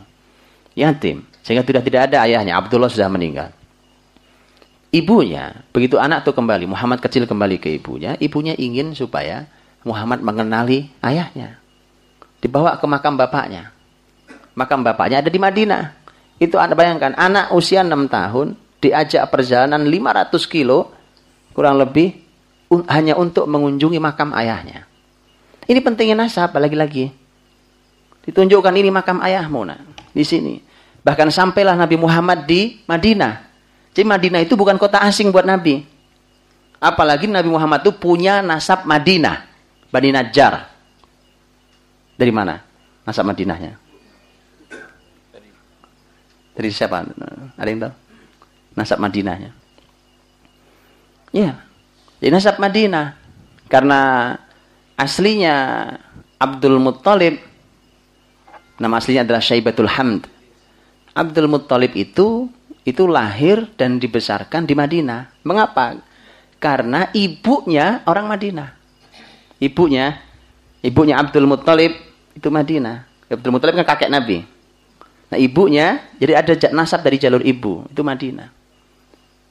Dan ternyata Mekah Madinah itu nanti wilayah kebesaran Nabi Muhammad SAW. Jadi Allah sudah tunjukkan sejak awal wilayah kebesarannya, Pak. Sudah tunjukkan wilayah kebesarannya. Dari awal usianya. Jadi usia 6 dan ibunya meninggal. Bahkan nggak sampai Mekah kan? Tidak sampai Mekah. Di tempat namanya Abwa meninggal di sana. Berpindahlah pengasuhan ke kakeknya. Hanya sampai 8 tahun. 6 sampai 8. Kurang lebih 2 tahun lebih. Diasuh bersama kakeknya. Ah ini fase baru. Bersama kakek eh, anak usia 6 tahun lengkap jadi yatim piatu. Perih hidup. Pedih hidup. Maka ini juga pelajaran. Yang perlu diketahui bahwa Nabi Muhammad SAW yang eh, dalam hidupnya ada hal-hal yang sangat tidak ideal dalam hidupnya. Di awal hidupnya. Saya kasih contoh yatim. Kan tentu masih lebih baik kalau bapak ibunya ada kan. Seorang anak hidup nyaman ada bapak ibunya. Nabi Muhammad tidak. Yatim. Lahir sudah yatim. Enam tahun genap lengkap yatim piatu. Nabi Muhammad SAW hidup dalam kemiskinan. Di awal hidupnya itu miskin. Miskin. Sampai nikah aja nggak berani gara-gara miskin. Ya kan? Nggak berani. Ya. Jadi saya sebenarnya sedih juga kalau dengarkan orang cuma pengen kaya kemudian istishadnya dengan Nabi. Nabi kita itu kaya. Baca sirah yang benar. Baca sirah tolong yang benar. Kalau Anda mau kaya, kaya saja. nggak ada masalah. Itu nggak dilarang dalam Islam. Tapi tolong jangan dipelintir secara Nabi SAW. Silakan dibaca itu. Bahwa Nabi SAW bahwa Nabi SAW di Madinah nanti memiliki beberapa harta itu jatah beliau, ya. Ya. Tapi kemudian eh, dalam kehidupannya kan kita tahu. Dalam kehidupan Nabi SAW, ketika Nabi SAW sekedar bertanya makan pagi kadang nggak ada. Makan pagi, naik sarapan, nggak ada. Jadi jangan membaca siroh hanya karena syahwat kita, Pak. Baca yang utuh. Nah Rasulullah SAW ini diasuh oleh kakeknya. Ini fase pengasuhan kakek ini fase, fase yang pas. Karena anak yang sedang perih seperti itu, eh, kehidupan seperti itu, itu diasuh oleh kakek. Nah kalau kakek itu kan kecintaan pada cucunya nggak diragukan ya Pak. Kalau kakek nenek itu kecintaannya wah lebih dari kecintaan orang tua pada anaknya gitu ya. Betul ya, kakek-kakek dan nenek ya. Ya karena saya belum jadi kakek masalahnya ini, jadi belum tahu. Cuma katanya begitu katanya. Nah, jadi e, ketika beliau diasuh oleh kakeknya, itu pas. Tapi lihat, lihat Pak, bukan sembarang kakek. Kalau mau belajar tentang tentang bagaimana menjadi kakek dan nenek, belajarlah sama Abdul Muthalib dan sama Nabi Muhammad. Karena Nabi Muhammad nanti kan juga jadi kakek. Gitu ya. Karena jadi kakek nenek itu ada ilmunya. Dan sayangnya kita nggak pernah ada sekolah menjadi kakek. Jadi akhirnya jadi kakek ya sejalan-jalannya aja. Asal punya cucu namanya kakek. Asal punya anak namanya bapak ibu. Sekolahnya nggak pernah ada memang. Maka belajarlah, belajarlah itu. Karena begini, karena kasih sayang yang luar biasa itu seorang kakek bisa bisa menjerumuskan cucunya, bisa menghancurkan masa depannya. Kakek itu kan nggak bisa ditangisi oleh cucunya. Kakek nenek itu kalau cucu nangis, aduh kiamat itu dunia sudah. Padahal bisa jadi yang ditangisi oleh cucunya, yang diminta oleh cucunya adalah sesuatu yang memang dilarang, tidak manfaat, bahkan merusak dia dan masa depan dia, kesehatan dia dan seterusnya. Asal ditangisi kakeknya bilang, udah kasih-kasih, aduh gak setiap hari ini. Tidak bisa. Pak. Dan kakek susah nolak ya kan. Susah nolak. Makanya jadi, belajarlah sama Abdul Muthalib bagaimana mengasuh seorang Muhammad cucunya, SAW, dan bagaimana uh, seorang Nabi Muhammad menjadi kakek nanti. Itu menjadi penting. Uh, contohnya, Pak, lihat kalimat menarik dari seorang Abdul Muthalib. Abdul Muthalib itu punya tempat duduk uh, di samping Ka'bah tempat, tempat khusus. Ini tempat tidak boleh diduduki oleh siapa pun, bahkan tidak oleh anak-anaknya Abdul Muthalib. Spesial. Spesial tempat duduk di samping Ka'bah, cuma dia yang punya. Kan dia pembesar Quraisy, pemimpin tertinggi Quraisy. Ketika uh, Muhammad kecil, sang cucu ini naik ke kursi itu, sama paman-pamannya mau diturunkan. Kata Ibn Abdul Muthalib, "Amma ibni hadha da'ahu." Eh, adapun anakku yang satu ini biarkan. Kenapa biarkan? Innalahu sya'nan azima. suatu hari kelak ia menjadi orang besar. Lihat. Lihat kalimat itu.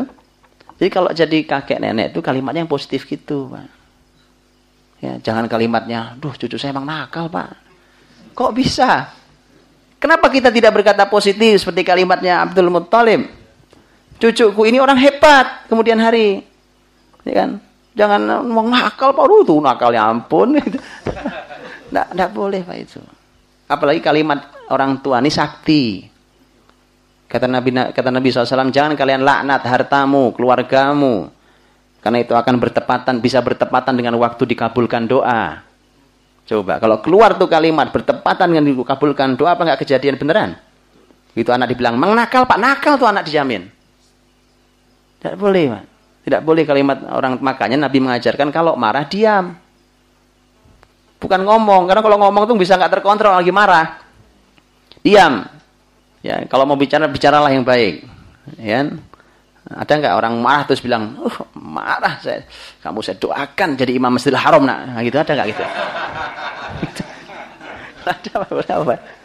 Ya. Kalau keluar kalimat mulia nggak apa-apa. Kalau nggak diam, Pak. Diam. Abdul Muttalib contohkan kita. Dibiarkan. Ini cucuku ini adalah orang yang yang kelak menjadi orang besar. Kalimat itu. Dan di situlah kakeknya tentu menunjukkan, eh, mengajarkan tentang kepemimpinannya, karena kelak pemimpin. Dengan kakeknya tidak lama, 8 tahun, saat sudah sangat nyaman dengan kakeknya, di usia 8 tahun kurang lebih, kakeknya meninggal. Jadi subhanallah, Nabi itu oleh Allah memang diajari untuk tidak bersandar pada makhluk sejak usia awalnya. Ini lagi nyaman sama ibunya, ibunya meninggal. Cuma setahun kurang lebih. Bersama kakeknya lagi nyaman, kakeknya meninggal. Nanti Nabi punya anak, Pak. Anak laki, anak perempuan. Berapa anak Nabi? Totalnya? Tujuh. Yang laki berapa? Berapa? Ibrahim. Tiga. Yang perempuan? Empat. Nabi SAW punya anak perempuan, perempuan, perempuan. Kemudian punya anak, ada laki-laki dua. Yang dua meninggal di usia kecil-kecil. Subhanallah. Begitu Nabi hijrah ke Madinah, nikah dengan Maria Al-Qibtiyah, e, kemudian punya anak dikasih nama Ibrahim. Harapan tumbuh lagi kan, anak laki-laki lagi. Subhanallah ya. Eh sama juga Pak. Bahkan Allah wafatkan sebelum usia dua tahun. Para ulama sejarah mengatakan bahwa kan, karena itu e, nabinya tidak boleh bersandar pada makhluk. Nabi lagi nyaman dengan Abu Talib.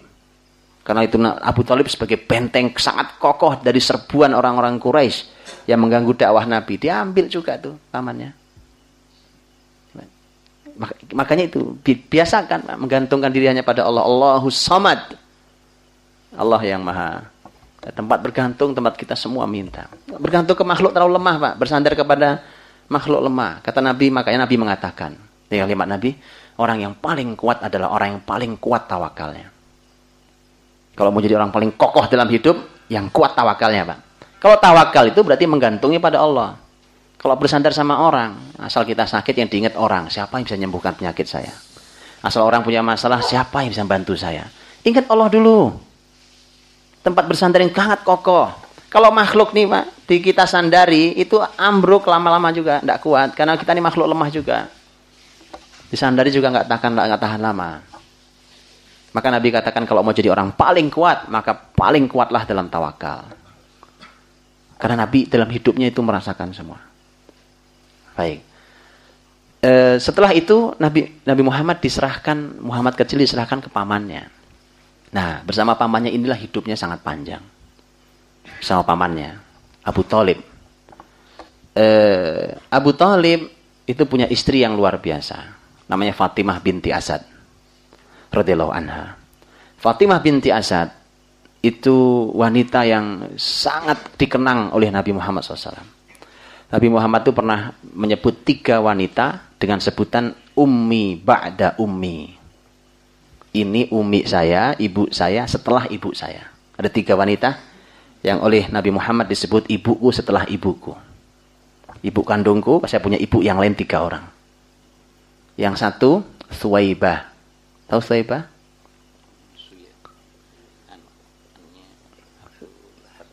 Ya, betul Ustaz. Jadi dulu dia mantan budaknya Abu Lahab. Terus dibebaskan oleh Abu Lahab, disebutkan dia dibebaskan gara-gara memberi kabar gembira kepada Abu Lahab akan kelahiran ponakannya itu Muhammad. Jadi Abu Lahab itu awalnya senang dengan Nabi Muhammad ya, awalnya senang ya. Oh senang sekali sampai gara-gara cuma yang ngasih tahu bahwa lahir ponakanmu wahai Abu Lahab itu yang ngasih tahu adalah budaknya yang bernama Thuwaibah itu dibebaskan dari perbudakan gara-gara itu aja. Saking senangnya. Ya, bahwa, bahwa nanti jadi musuh nomor satu nah itu nanti ya kan. Tabbat yada abi lahabi wa tab ya. E, jadi Thuwaibah Thuwaibah ini sempat menyusui sebentar. Sebentar sebelum dibawa oleh Halimatus Sa'diyah. E, kemudian yang kedua siapa? Eh kok salah, maaf salah. Halimatus Sa'diyah. Kenapa saya bilang Thuwaibah? Halimatus Sa'diyah, tiga wanita saya sebut. Salah, saya mohon maaf salah. Uh, Ummu Aiman, Halimatus Sa'diyah, Fatimah binti Asad. Maaf, bukan Thuwaibah, saya salah sebut. Ummu Aiman ini barokah nama aslinya. Dia adalah pembantu di keluarga Nabi SAW. Sejak bapaknya Abdullah, dulu Thuwaibah, eh maaf Thuwaibah lagi. Uh, Ummu Aiman ini adalah pembantu di keluarga itu. Ummu Aiman lah yang menemani Muhammad pulang dari Abwa tempat meninggal ibunya sampai ke Mekah itu bersama Ummu Aiman. Ummu Aiman itu nanti oleh Nabi dinikahkan dengan putra angkat beliau Zaid bin Haritha. Punya anak Usamah bin Zaid. Ini wanita berkahnya luar biasa. Sesuai dengan namanya. Namanya Barokah. Berkahnya luar biasa. Sampai Nabi mengatakan bahwa kalau kalian mau menikahi wanita ahli surga, nikahi um, Barokah. Subhanallah, itu wanita ahli surga itu. Pak. Jadi kalau nyari istri begitu, mana wanita ahli surga saya mau nikahi dia gitu. Nah, tahu gimana nyarinya. Ya kan? Ini oleh Nabi disebut ummi ba'da ummi. Eh, kemudian yang kedua, yang kedua Halimatus Sa'diyah. Halimatus Sa'diyah yang kita tahu bagaimana jasa besarnya. Dan yang ketiga adalah Fatimah binti Asad. Istrinya Abu Talib. Nabi nyebut itu ibu setelah ibu uh, Fatimah binti Asad nanti oleh Nabi SAW eh, nanti meninggal pas beliau jadi Nabi sudah jadi Nabi Nabi makam kan Nabi nangis nangis di makam itu Nabi yang menurunkan di liang lahat itu uh, adapun uh, Al Barokah itu dinikahkan oleh Nabi tadi saya katakan Halimah itu nanti juga bertemu waktu Nabi sudah masuk sudah menjadi Nabi dan Halimah juga masuk Islam bersama keluarga besarnya. Jadi, jadi semua ini tiga wanita ini adalah tiga wanita yang beriman. Tiga wanita yang beriman. Makanya susah tumbuh anak-anak hebat ketika sang ibu tidak beriman. Susah, Pak. Sangat sulit. Baik. Bersama dengan Abu Talib, nah masalahnya begini. Abu Talib itu adalah paman yang anaknya banyak tapi miskin. Dia pemimpin besar, iya. Tapi dia anaknya banyak miskin. Ketambahan beban Muhammad. Padahal harusnya dipilihkan pamannya lain, tapi tidak. Oleh Abdul Muthalib diamanahkan kepada Abu Talib. Nah, Abu Talib keadaannya seperti itu. Tapi Abu Talib mencintai Nabi Muhammad SAW dengan kecintaan yang melebihi cintanya pada anak-anaknya. Begitu juga istrinya, Fatimah binti Asad. Sehingga, eh, tapi ini menarik Pak, ini konsep pengasuhan anak yatim. Sangat menarik pengasuhan anak yatim itu kalau dalam Islam sebenarnya dianjurkan untuk dibawa pulang ke rumah kita. Kalau kalau bisa, ya, kalau ini bisa, anak yatim itu tidak ditempatkan di satu gedung sendiri kayak sekarang eh, apa tuh Darul Aitam. Kalau kalau memang panti asuhan, kalau memang tidak ada nggak apa-apa taruh di situ. Tapi membinanya akan lebih cepat bagus hasilnya ketika dibawa pulang. Dibagi aja ke saya satu, ke Pak Muhammad satu, ke Pak Abdurrahman satu gitu. Itu dibagi-bagi gitu. Karena itu, di sana mereka banyak belajar. Contohnya Nabi Muhammad. Muhammad sadar bahwa dia bukan anak kandungnya Abu Talib. Kalau ada makanan datang, anaknya Abu Talib kumpul gitu pada rebutan, Muhammad minggir. Pak. Sadar bukan anaknya. Itu bagus. Bagus Pak. Dia dia menyadari posisinya dan siapa dirinya. Ini sudah anak anak angkat ya kan. E, belagaknya tidak karuan ya kan. Karena memang kesalahan fatal ketika orang mengasuh anak yatim terus nasabnya disembunyikan. Tidak boleh. Udu'uhum li abaihim wa aqsatu indallah. Panggil mereka dengan nama-nama bapak mereka. Enggak boleh disembunyikan nasab itu. Harus dari sejak awal disampaikan. Kau memang di keluarga ini kami mencintaimu, ini bapak ibumu yang mengasuh, tapi ada bapak ibu kandungmu. Sampaikan ke mereka. Baik, di sepanjang bersama Abu Talib, eh, Muhammad banyak diajari banyak hal. Pak. Karena keadaan miskin itulah menyebabkan banyak pelajaran didapat. Di antaranya Muhammad diajari untuk menggembala kambing. Menggembala kambing, Pak. Ternyata gara-gara miskin itu mengembala kambing terus dapat upah. Hanya beberapa dirham. Dapat upah. Dan ternyata konsep pengembalaan kambing itu oleh Nabi dikatakan mamin nabiyin illa ro'al ghanam. Tidak ada seorang nabi pun kecuali pasti pernah menggembala kambing. Jadi kalau mau jadi orang besar, gembala kambing Pak tolong. Eh beneran ini. Itu konsep. Loh, kenapa begitu? Subhanallah. Ada buku bagus sekali. Bukunya belum ada terjemahannya. Tulisannya uh, eh, Dr. Muhammad Muhammad Imarah tentang judulnya Khawatir wa Ta'ammulat fi Siratin Nabawiyah. Di dalam buku itu ditulis tentang pengembalaan kambing, judulnya begini. Min ra'yil ghanam ila ri'ayatil umam. Dari menggembala kambing sampai memimpin umat. Apa hubungannya gembala kambing sama sampai bisa memimpin umat? Itu makanya Pak. Konsep Nabi itu nggak usah banyak ditawar dulu. Lakukan aja dulu, nanti Anda akan tahu pelajarannya. Kita ini sok pinter. Dianalisa dulu, wah nggak masuk akal. Ada biasa. Kelamaan, Pak. Kita ini beriman kalau ada penelitian. Jadi sebenarnya kitab suci kita penelitian, bukan Quran. Kalau ada penelitian baru percaya, baru mau saya laksanakan karena ada penelitiannya nih Pak. Ini penting untuk menguatkan iman, tapi kalau beriman gara-gara ini Anda kitab sucinya apa sebenarnya? Ya kan? Umpamanya untuk untuk kita mau minum sambil duduk, perlu penelitian dulu baru saya minum sambil duduk. Untuk saya minum disuruh tangan kanan, makan tangan kanan, baru saya makan tangan kanan ketika ada penelitiannya. Gak perlu, Pak. Orang beriman tuh Nabi apa sampai ajarkan, lakukan gitu. Eh, sami'na wa ata'na, tepat. Satu. Betul. Baru penelitian nyusul. Silahkan diteliti apa hikmahnya itu semakin menguatkan kecintaan kita pada syariat ini. Nah, seperti Rasulullah SAW ini, ya kan, ketika ketika tadi dicontohkan tentang masalah pengembalaan kambing, ya kan, Silakan dipelajari, Pak. Dan ulama sudah sampaikan panjang lebar tentang bab itu. Tentang masalah kambing, kenapa kambing, apa hubungannya, dan segala macam itu ada babnya sendiri. Sampai itu ada pembahasannya. Karena kata Nabi, tidak ada Nabi kecuali pasti pernah menggembala kambing. Itu, itu dah satu. Nah, eh, ternyata memang semua syarat menjadi Nabi layak sudah gitu ya. Gembala kambing sudah jadi Nabi. Jadi kalau mau jadi orang besar, gembala kambing dulu kan.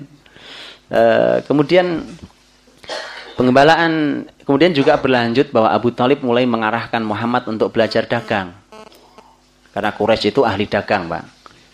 Gitu ya. Jadi kalau di sini ada yang keturunan Quraisy, Anda sebenarnya ahli dagang. Betulan, Pak. Jadi tolong dijaga tentang potensi ekonomi yang satu ini karena berdagang itu potensi besar di umat ini. Betul, Pak. Bukankah Allah berfirman, "Li'ilafi Quraisy ilafihim rihlatasyita'i was-saif. Rihlatasyita'i dalam tafsirnya adalah dagang. Rihlah musim syita, musim dingin dan musim panas. Itu dagang. Dagang ke negeri Syam, ke negeri Yaman, dan nyebrang sampai ke negeri Habasyah. Itu Quraisy. Dicatat Allah sebagai ahli dagang.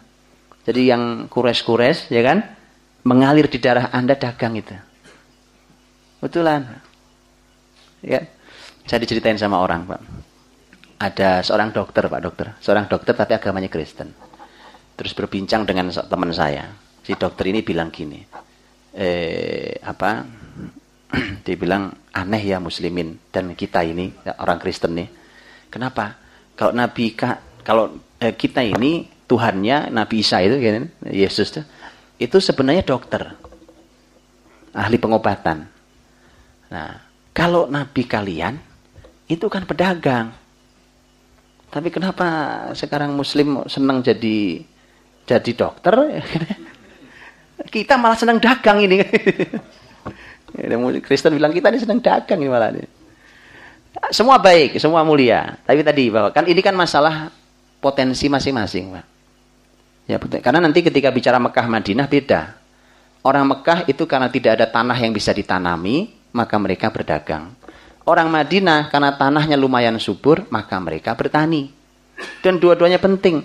Waktu muslimin menaklukkan tanah Irak di zaman Umar radhiyallahu anhu, itu tanah Irak itu suburnya luar biasa, penghasilan buminya luar biasa. Negeri yang kaya raya gara-gara penghasilan bumi. Ketika Umar mendapatkan berita bahwa sudah ditaklukkan Irak, Umar segera menyusun untuk merencanakan tentang tanah Irak yang sangat subur itu. Siapa yang paling paham? Bukan orang Mekah, orang Madinah yang paham. Jadi semua potensinya penting. Potensinya ada. Tapi ini dua hal yang penting. Dagang, bertani. Itu itu dalam itu perpaduan sahabat Nabi SAW. Ngarik. Uh, uh, jadi diajarilah berdagang. Usia 12 tahun sudah sampai ke sampai ke negeri Sam. Sampai ke negeri Sam. Tapi sampai negeri Sam ternyata pulang lagi kan. Enggak sampai sempat dagang pulang lagi. Singkat kata adalah ketika beliau sudah berusia 15, usia 20, itu ada perang sekurang lebih lima tahun. Itu perang saudara di Mekah. Usia kurang lebih lima tahun lamanya. Dan di situlah Nabi Muhammad usia baru 15 tahun, 15 sampai 20. Itu merasakan, uh perang tuh nggak enak ya. Perang tuh pedih ternyata. Maka ketika ada perjanjian damai, usia Nabi Muhammad saat itu 20 tahun. Ada perjanjian damai di rumahnya Abdullah bin Jada'an. Diundanglah itu Muhammad yang usia 20 tahun. Ikut diundang bersama orang-orang senior, orang tua. Untuk menyaksikan perjanjian damai dan Nabi mengatakan, kalau sekarang, ini waktu beliau sudah menjadi Nabi. Kalau sekarang saya diundang lagi untuk hadir di acara seperti di rumahnya Abdullah bin Jad'an, saya pasti akan hadir. Apa maksudnya? Beliau suka damai. Perang itu gak enak. Jadi kalau saya diundang, Pak, kalau diundang saya akan datang, pasti datang. Untuk urusan perdamaian itu. Tapi semua ada semua. Perang, jadi gembala kambing sudah. Perang sudah damai sudah, ya berdagang sudah, ini semua dilewati oleh Nabi SAW. Dan itu semua keahlian-keahlian, Pak. Keahlian-keahlian. Maka di, ketika Nabi SAW di usia 25 tahun, nah beliau nikah. Nikah kan? Nah, nikah itu ketika Nabi nikah, sebenarnya tadi, tadi saya katakan, Nabi itu nggak punya uang. Ketika ditanya oleh Nufaisa atau Nafisa, e, ditanya oleh Nufaisa ke si perantaranya Khadijah, wanita perantara Khadijah itu, kenapa nggak nikah Muhammad? Kata Nabi Muhammad, ma indi ma atazawwaju bih. Saya tidak punya apa-apa buat nikah. Tidak punya, Pak. Terus orang suka salah paham. Loh, tapi Nabi kaya, Pak. Buktinya mahari 20 ekor unta. Eh, tanya dulu itu 20 ekor unta punya siapa? Bukan punya Nabi Muhammad. Kalau Nabi Muhammad 20 ekor unta terus bilang miskin, salah itu. Nabi bilang saya tidak punya uang untuk menikah. Makanya Nufaisah mengatakan, bagaimana kalau kamu diajak menikah oleh seorang wanita yang tidak mempedulikan kekayaanmu dan dia berasal dari nasab sangat mulia. Kata Nabi Muhammad siapa? Khadijah. Kata Nabi sepakat. Nah, 20 ekor unta itu, mahar 20 ekor unta itu, itu dikasih oleh paman-pamannya. Sebagian harta Muhammad, sebagian patungan paman-pamannya, Pak. Iya. Dan itu menarik, tolong diperhatikan ini. Kita ini konsepnya udah kebolak-balik. Kita ini terlalu terlalu besar untuk biaya walimahnya. Tetapi maharnya seperangkat alat mandi, kan? seperangkat alat sholat, ya kan? Sama satu Quran. Salah, Pak. Salah konsepnya. Antum perhatikan konsep Nabi SAW. Mahar Nabi kepada para wanita tidak ada yang kecil. Walaupun Nabi menganjurkan pada para wanita, wanita paling berkah adalah yang paling mudah maharnya. Itu untuk wanita. Tapi untuk laki-laki Nabi kasih contoh dalam aplikasinya penghormatan pada wanita, mahar Nabi tidak ada yang kecil untuk istri-istrinya. Silakan lihat mahar-mahar Nabi SAW. Jadi Rasulullah Shallallahu Alaihi Wasallam itu mengajari kita begitu, Pak. Bahwa Nabi SAW mengajarkan agar e, kalau wanita memang mahar itu tidak boleh yang menyulitkan, itu wanita yang berkah. Nah, tetapi lebih berikan contoh pada kaum laki-laki bagaimana menghormati wanita. Makanya saya selalu anjurkan pada para orang tua, kalau bapak ibu punya anak perempuan, maka sampaikan, ajarkan ke mereka agar tidak menyulitkan tentang mahar saat nanti menikah. Tapi kalau anda punya anak laki-laki, pak, kalau anda mau bantu anak, bantu maharnya. Bukan sekedar menyiapkan pestanya. Kita ini pestanya harganya 3 miliar, ya kan? Tadi, seperangkat alat sholat. Gitu. Salah ini, Pak. Salah ini. Ya, 20 ekor unta. Berapa harganya, Ustaz? Berapa, Ustaz? Setengah miliar saudara. Nah, mahar setengah miliar, ya kan? Oh, oh unta itu bukan cuma susunya Ustaz. Kencingnya aja harganya mahal. Betulan. Hari ini Anda kalau ke Saudi, mamanya mesen susu apa kencing unta, itu itu inden, Pak. Betul. Betul, betul Ustaz? Iya. Kenapa? Karena ada hadis tentang bab itu saja, spesial tapi jangan dilebarkan, antar kencing yang lain juga dia enggak ini spesial tentang bab itu dalam kisah masyarakat Uraniin saat itu ya. Khair. Jadi eh, Nabi menikah usia 25 tahun menikah dan ini juga ada poin besar tentang tema pernikahan. Karena ini kan sebenarnya pernikahan yang tidak sekufu, Pak. Tidak setara, ya kan? Ini kan pernikahan karyawan dengan big boss. Betul ya? Suaminya karyawannya, salah satu bukan, mending satu salah satu karyawan saja dan Khadijah big bossnya. Harta kaya. Dan eh, Khadijah di, di, dilamar oleh banyak petinggi Quraisy, tidak mau. Maunya sama anak muda itu. Ya, kalau usia Khadijah ulama berbeda pendapat. Ya, kalau riwayatnya Ibnu kalau kalau kalimatnya Ibnu Ishaq itu 28 tahun. Kalau riwayatnya Al-Waqidi 40 tahun. Okay. Nah, Rasulullah SAW menikah dengan Khadijah. Dan itu pernikahan yang sebenarnya kalau dari sisi harta tidak sekufu. Hati-hati dengan pernikahan yang tidak setara. Harus pandai menyesuaikan. Karena kalau laki-laki jatuh rasa martabatnya, maka tidak lama rumah tangga akan hancur. Karena itu melanggar ayat di An-Nisa 34. Ar-rijal qawamun 'alan nisa bima faddalallah ba'dahum 'ala ba'd wa bima anfaqum min amwalihim dan seterusnya. Bahwa laki-laki kawamnya, Nah, kawam itu faktornya dua. Karena punya kelebihan yang Allah berikan, dia punya kelebihan di atas istrinya. Dan yang kedua adalah dia menafkahkan sebagian hartanya. Lah sekarang ini Khadijah hartanya lebih banyak daripada Muhammad SAW. Itu biasanya akan menjadi masalah. Kalau Tapi Khadijah wanita mulia dan Nabi Muhammad tahu bagaimana dia mengangkat kawamahnya.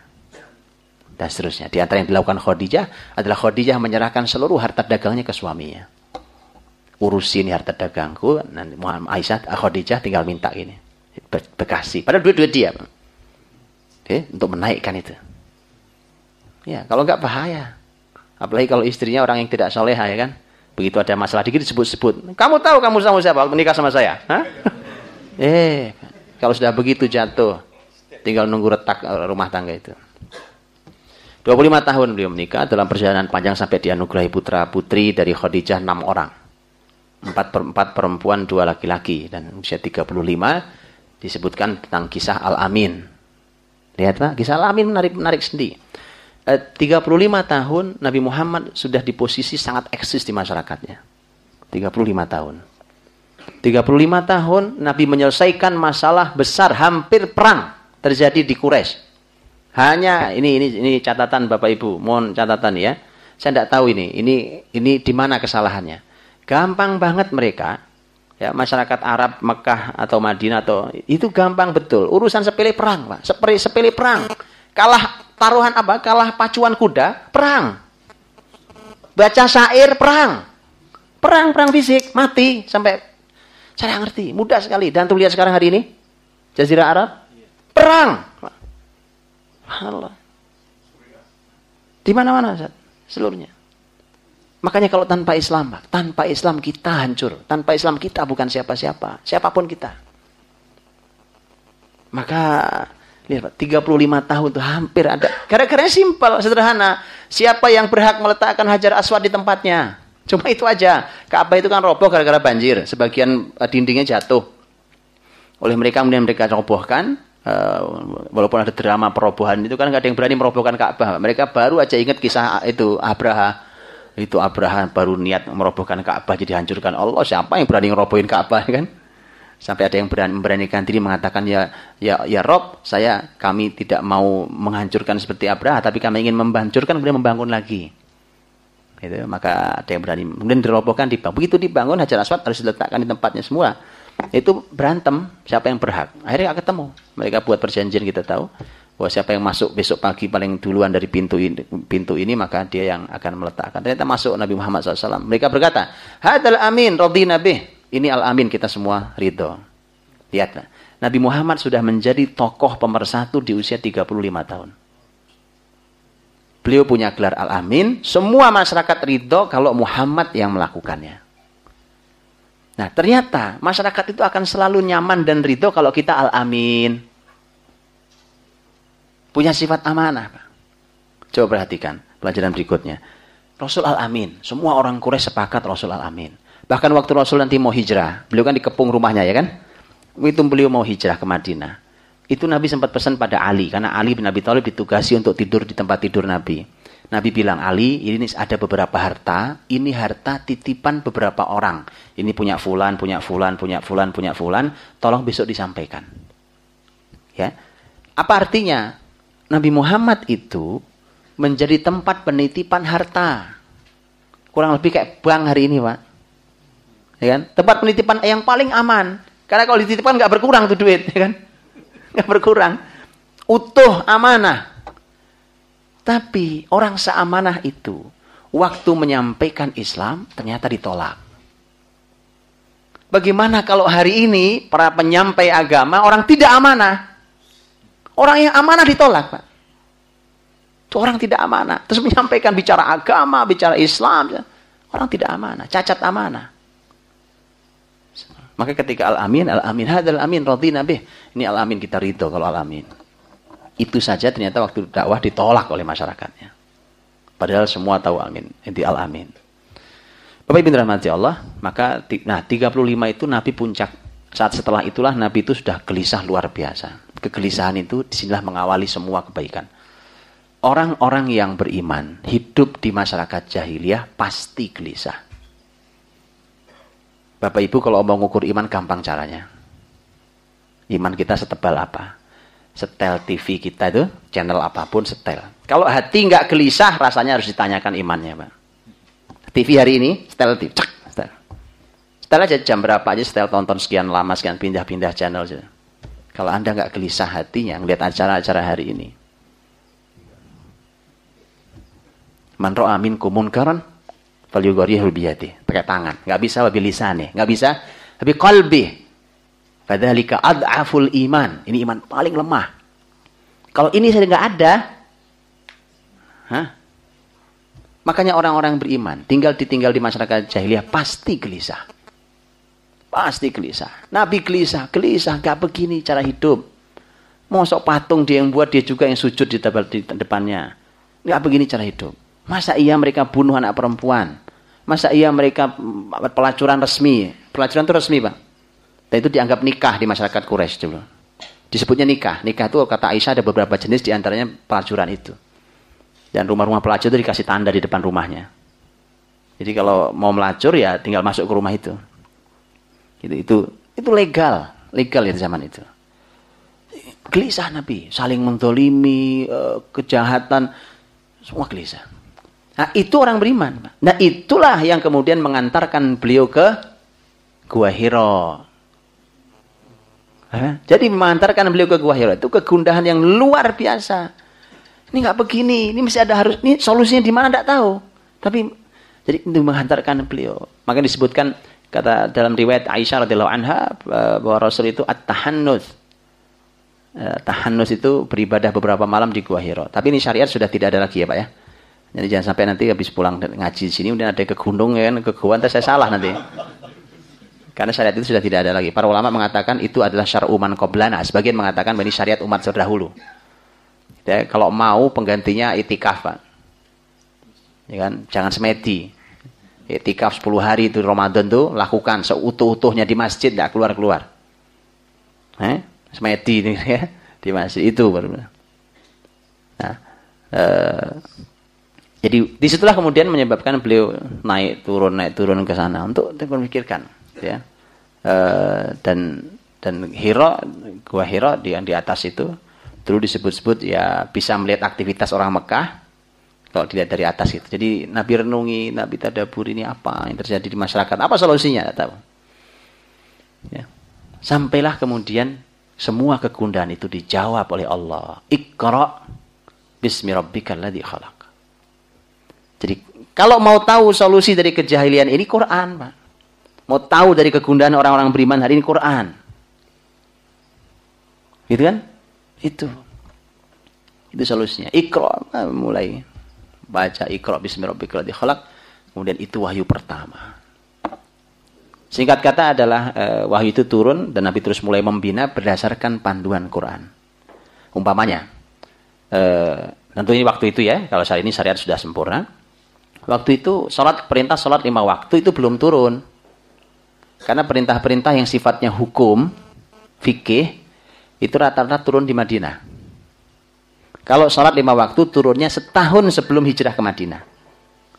Kurang lebih setahun sebelum hijrah ke Madinah. Tapi Nabi sudah ada sholat. Ada dua sholat. Sholat pertama adalah sholat pagi sore. Dua rakaat, dua rakaat. Ya, sholat yang kedua adalah setelah turun uh, surat Al-Muzammil uh, apa? Surat Al-Muzammil ya ayyuhal muzammil qumil laila illa qalilan nisfahu kusminhu qalila. Au zid alaihi waratil Qur'ana tartila. Ada perintah membaca Quran, mentartilkan Quran, ada perintah untuk bangun malam hari, qiyamul lail dan seterusnya. Dan itu eh, qiyamul lail itu sempat wajib selama setahun, bukan sunnah, wajib selama setahun. Sempat itu sampai turun ayat yang terakhir di surat Al-Muzammil baru jadi sunnah. Jadi eh, di di Mekah itu, Bapak Ibu rahmati Allah, itu yang namanya ibadah itu tidak banyak perintah turun. Karena ibadah itu beban. Ibadah mahdoh maksud saya. Itu beban. Orang sholat kan berat. Quran yang bicara bukan saya. Wa innaha lakabiratun illa al khashin. Sholat itu berat kata Allah. Memang berat. Berat ya kan. Kecuali bagi orang-orang yang khusyuk. Kalau orang yang khusyuk tidak berat. Makanya kalau mau mengukur khusyuk apa enggak khusyuk gampang. Berat apa enggak? Kan gitu. Sederhana Pak. Berat enggak tuh sholat? Kalau masih berat berarti khusyuknya belum. Ya, karena kalau buat orang yang khusyuk, sholat tidak ada beratnya. E, Mekah itu fasenya di, yang dilalui Nabi. Itu kalau dibuatkan adalah e, ada fase Nabi SAW di Mekah e, di awal-awal dakwah beliau membangun orang-orang awal. Kemudian ada peristiwa pengetatan orang-orang Quraisy sampai Nabi memerintahkan hijrah ke negeri Habasyah, hijrah satu, hijrah dua kemudian pemboikotan, kemudian uh, setelah itu peristiwa tahun kesedihan Nabi uh, sampai dakwah ke Taif, Abu, Abu Talib meninggal, Khod istrinya pun meninggal, kemudian nanti ada peristiwa uh, Isra dan Mi'raj, kemudian ada peristiwa mengawali hari-hari eh, mengawali hari kedatangan enam anak muda dari kota Madinah yang masuk Islam. Itulah cikal bakal Nabi membuka Madinah. Itu perlu waktu tiga tahun. Nah, singkat saya sampaikan poin-poin ini. Waktu Nabi Shallallahu Alaihi Wasallam beliau berbicara uh, mulai mulai berdakwah itu kan dia perlu mendakwai orang karena perlu tim, nggak bisa kerja sendiri. Ya sehebat Nabi Muhammad nggak bisa sendiri. Jadi kalau ada orang hebat hebat sendiri nggak bisa pak, nggak bisa. Nabi ketika hijrah Nabi mengeluarkan dua eh, satu kalimat kata Nabi Innalakum ikhwanan wadaron tak manu nabiha. Kalian punya ikhwan, ikhwan berarti tim, saudara-saudara seperjuangan daron dan dar dar itu rumah tempat tak manu nabiha kalian aman di sana. Jadi perlu dua-duanya pak. Perlu pendukung tim dan perlu tempat. Ya markas. Yes markas. Penting dua-duanya. Ada markas nggak ada tim ya nggak bisa. Ada tim nggak ada markas susah pak untuk merencanakan segala hal. Dua-duanya harus ada. Maka nabi terus mencari mencari orang dan mencari tempat. Kalau Imam Az-Zuhri menghitung sampai 15 suku itu ditawarin Nabi nggak satu pun terima. Telaten Nabi, Pak. Telaten, tawari satu-satu satu nggak ada satu pun terima. Nah, tapi ada yang ada poin menarik di awal dakwah Nabi. Di awal dakwah Nabi ini ini e, menarik, Pak. Ternyata memang Nabi memulai hanya dengan enam, enam orang saja itu. Enam orang. Di Mekah enam, di Madinah enam. Menarik ini. Di Mekah e, kalau kita hitung lihat, ada Nabi SAW. Ada Khadijah. Ini pertama masuk Islam ya. Ada Khadijah. Ada putra-putri beliau. Kita jadikan satu. Ada Ali bin Abi Thalib. Ali bin Thalib. Ada Zaid bin Harithah. Anak angkat beliau. Ada Abu Bakar. Teman terbaik beliau. Teman terdekat. Berapa orang? Kalau di total kurang lebih enam. Kalau dijetilkan di anaknya lebih banyak. Di Madinah, waktu Nabi mau dapat Madinah juga hanya enam anak muda Madinah. Semua laki-laki. Enam orang. Jadi sebenarnya Pak, untuk membangun sebuah peradaban, jumlah segini udah kebanyakan. Jadi kalau jumlah segini nggak mampu berbuat apa-apa ya, mari kita koreksi pengajian ini. Kita harus mampu berbuat sesuatu. Saat. Nabi enam orang saja untuk membuka Madinah yang nanti menjadi pusat peradaban bumi. Itu hanya modalnya enam orang. Ini udah berapa yang hadir, Pak? Kan Masya Allah, Pak. Ini sudah cukup untuk berapa kota saat ini? Cukup, cukup, Pak. Ya kan? Cukup untuk berapa kota, kan? Ya. Asal konsep perjuangannya memang seperti Nabi itu. Hanya enam orang. Nah, enam orang itulah yang mengawali hari-hari ya, Nabi SAW, terus berkembang, berkembang, tumbuh, saling terus datang. Hari kedua langsung datang orang-orang terbaik. Utsman, Abdurrahman bin Auf, Talha, Zubair, eh, Sa'ad, orang-orang istimewa itu datang di hari kedua atas eh, atas jasa Abu Bakar As-Siddiq radhiyallahu anhu yang menghantarkan hidayah setelah Allah taala. Eh, ini terus berjalan sampai lama-lama diketahui kegiatan ini oleh orang Quraisy. Maka tadi saya katakan, e, membangun itu tidak usah banyak bicara. Bangun saja. Bangun, bangun, bangun. Dibangunkan itu, dibangun oleh Nabi. Itu aja ketahuan. Begitu ketahuan mereka mulai melakukan intimidasi, caci maki, eh, segala macam sampai fisik, sampai disiksa. Tapi Nabi Muhammad tidak siksa gara-gara hanya karena dia kures saja dan dia dari keluarga Bani Hashim itu aja. Kalau enggak disiksa juga. Walaupun sekali waktu ada juga yang nekat. Sampai Nabi melihat bahwa solusinya adalah mereka harus hijrah, hijrah ke negeri Habasyah. Kata Nabi yang mau hijrah, hijrah ke negeri Habasyah. Menyelamatkan iman. Hijrah. Hijrah Habasyah satu, hijrah Habasyah dua. Nah, Nabi terus melakukan dakwah, makin hari keadaan di Mekah makin sulit. Makin sulit. Dan puncaknya adalah pemboikotan itu. Tahun 7 sampai tahun 10 kenabian. Tiga tahun Nabi diboikot. Pemboikotannya lebih jahat dari hari ini. Kalau ada negeri yang di embargo hari ini, oh lebih jahat Quraisy dulu waktu memboikot Nabi SAW. Karena bukan cuma ekonomi yang diboikot itu, ekonomi ya, bahkan sampai tidak boleh berbicara dengan mereka, tidak boleh jual beli dengan mereka. Terus makan apa? Setiap ada yang datang dagangan nggak boleh jual beli sama mereka, duduk nggak boleh sama mereka. Yang sudah mau menikah dengan mereka batalkan pernikahan. Jahat pak, jahat sekali. Keadaan itu sangat memburuk keadaannya uh, dan selesai pemboikotan itu Abu Talib meninggal. Sudah usia sudah tua, kesehatan mulai bermasalah, apalagi di usia pemboikotan dia ikut diboikot walaupun tidak beriman. Tapi karena dia melindungi Muhammad dia ikut diboikot. Dari keluarga Nabi semua diboikot kecuali Abu Lahab yang nggak diboikot. Dari keluarga Nabi. Karena itu malah dedengkotnya. Gitu. Begitulah perjuangan Nabi di kota Mekah dan itu terus dilakukan dan subhanallah Allah hibur banyak nabinya fala'allaka bakhi'un nafsaka ala atharihim illam yu'minu bihadzal hadithi asafa. Muhammad jangan sampai kau lukai dirimu kau kau bunuh apa kau uh, kau mencederai dirimu hanya karena kamu sedih melihat mereka tidak kunjung beriman. Jadi banyak sekali ayat hiburan buat nabinya Pak. Sedih Pak. Ya Allah ini datang ke Taif dilempari datang ke sini dihina di sini dicaci maki. Di, di sini bahkan Nabi sholat ditindih dengan kotoran onta. Nabi dicekek juga waktu sholat. Sahabatnya udah dikepukin, dipukuli, bahkan ada yang meninggal. Ditombak seperti uh, Sumayyah dan seterusnya. Sangat menyedihkan. Jadi keadaan perjuangan awal sungguh sangat luar biasa. Bapak Ibu pernah jalan kaki ke Taif? Jangan Pak, jangan coba. Kalau nggak kuat. 70 kilo. Naik gunung. Nabi jalan kaki untuk Islam ini. Boleh Pak Kapaman kita coba. Supaya kita merasakan begini rasanya. Ya Allah, Nabi dakwah. Jalan sendirian hanya dengan putra angkatnya. Zaid bin Harith. Jalan kaki. Jalan kaki.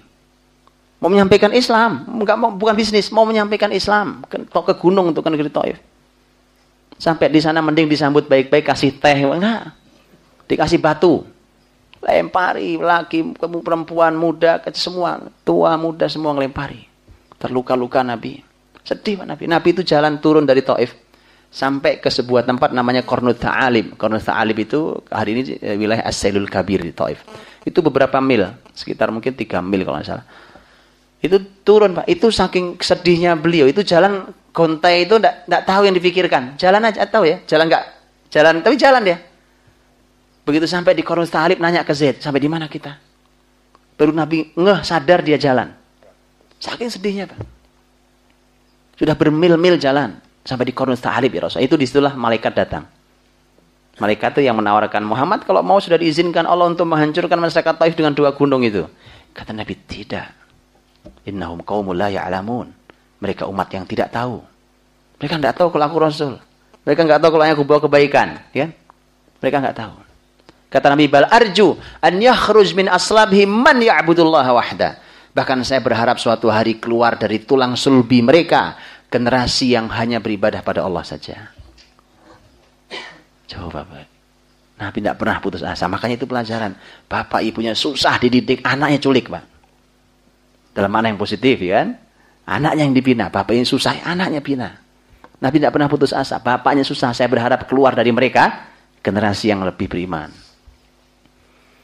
Nah, Madinah oleh Nabi disiapkan tiga tahun. Ini hebat, hebat. Nabi menyiapkan Madinah tiga tahun tanpa Nabi datang ke kota Madinah.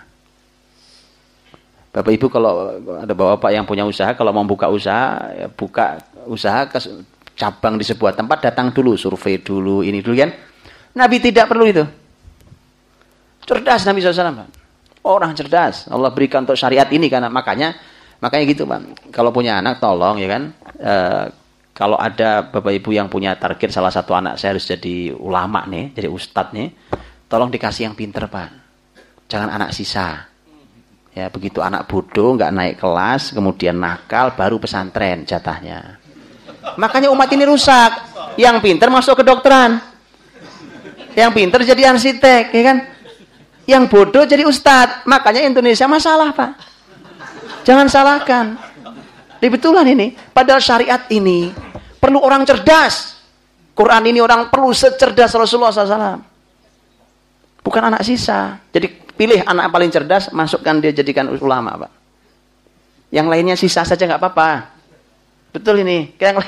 Karena tugas terberat itu tugas wahyu itu. Ya, jadi tolong dibalik nih Pak cara berpikirnya. Dibalik tolong Pak. Supaya maju negeri ini dengan Islam. Rasulullah SAW menyiapkan Madinah tiga tahun. Sepuluh, eh, begitu beliau dapat enam anak muda itu. Nabi keliling asal asal sudah musim haji Nabi keliling dari satu suku ke suku lain yang datang haji itu. Sampai Nabi ketemu enam itu, enam anak muda ini datang ditawari Islam, mereka mau masuk Islam. Gitu mau masuk Islam nih, subhanallah. Ini enaknya kalau kalau pem, uh, kalau uh, ketemunya sama anak muda, Pak. Mohon maaf tidak tidak men, tidak menyingkirkan orang tua ini, Ustaz. Orang tua punya posisi tersendiri yang mulia. Tempat kita bertanya, pengalamannya sudah panjang segala macam. E, tetapi namanya peradaban ini itu adanya di pundak anak-anak muda, Ustaz. Dan itu kalimat Imam Ibnu Kathir, bukan kalimat saya. Ketika beliau menjelaskan surat Al-Kahfi, fityatun amanu birobbihim wazidnahum huda. Fityah itu artinya anak-anak muda yang masih belia, remaja, Pak. Imam Ibnu Kathir mengatakan dan begitulah kalau Al-Sabul Kahfi anak muda juga. Dan begitulah para pendukung Nabi SAW adalah anak-anak muda. Makanya kalau ngaji isinya anak muda sudah betul. Sudah betul ngajinya Pak. Bukan berarti kalau isinya tua nggak benar. Tapi manfaat akan lebih besar ketika yang ngaji anak-anak muda Pak. Ya kalau sudah tua kan ngaji dua jam sudah melintir kanan, melintir kiri ya kan. Sudah mulai nyari senderan. ya wajar Pak sudah sudah ini kan sudah lama kita pakai nih onderdilnya kan sudah, sudah lama kalau anak muda, Pak, subhanallah, mau sampai kapan dilayani? Suruh ke mana mereka jalan. Kreatif, cerdas, masih fresh. Itu anak muda. Dan pendukung Nabi SAW muda semua. Tidak ada 10, 10 sahabat yang dijamin masuk surga. Tidak ada yang lebih tua dari Nabi. Yang paling tua Abu Bakar itu pun 3 tahun lebih muda dari Nabi SAW. Semuanya muda-muda, Pak. Karena, karena tadi. Nah, Madinah pun sama. Isunya anak, -anak muda, Pak. Itu enam anak muda itu, itu yang mengawali Madinah. Tahun depan, enam anak muda berhasil mendakwai tujuh orang. Bayangkan, setahun kenaikannya 100% lebih sedikit. 6 tambah 7, 13 totalnya. Ah, itu ngaji bener tuh baru. Ya kan? Nambah 100% setahun. Ya, kalau ngaji malah berkurang terus bubar. Salah. Dari 6 tak tahun depan tambah 7. Itulah bayat akobah 1. Di 13, tapi yang dibayat cuma 12 karena Jabir bin Abdullah radhiyallahu anhu absen. Tidak bisa datang. Yang dibayat 12 orang. Tahun berikutnya berlipat Pak menjadi 75 orang. Dari 13 sampai 75 berapa kenaikannya? Iya.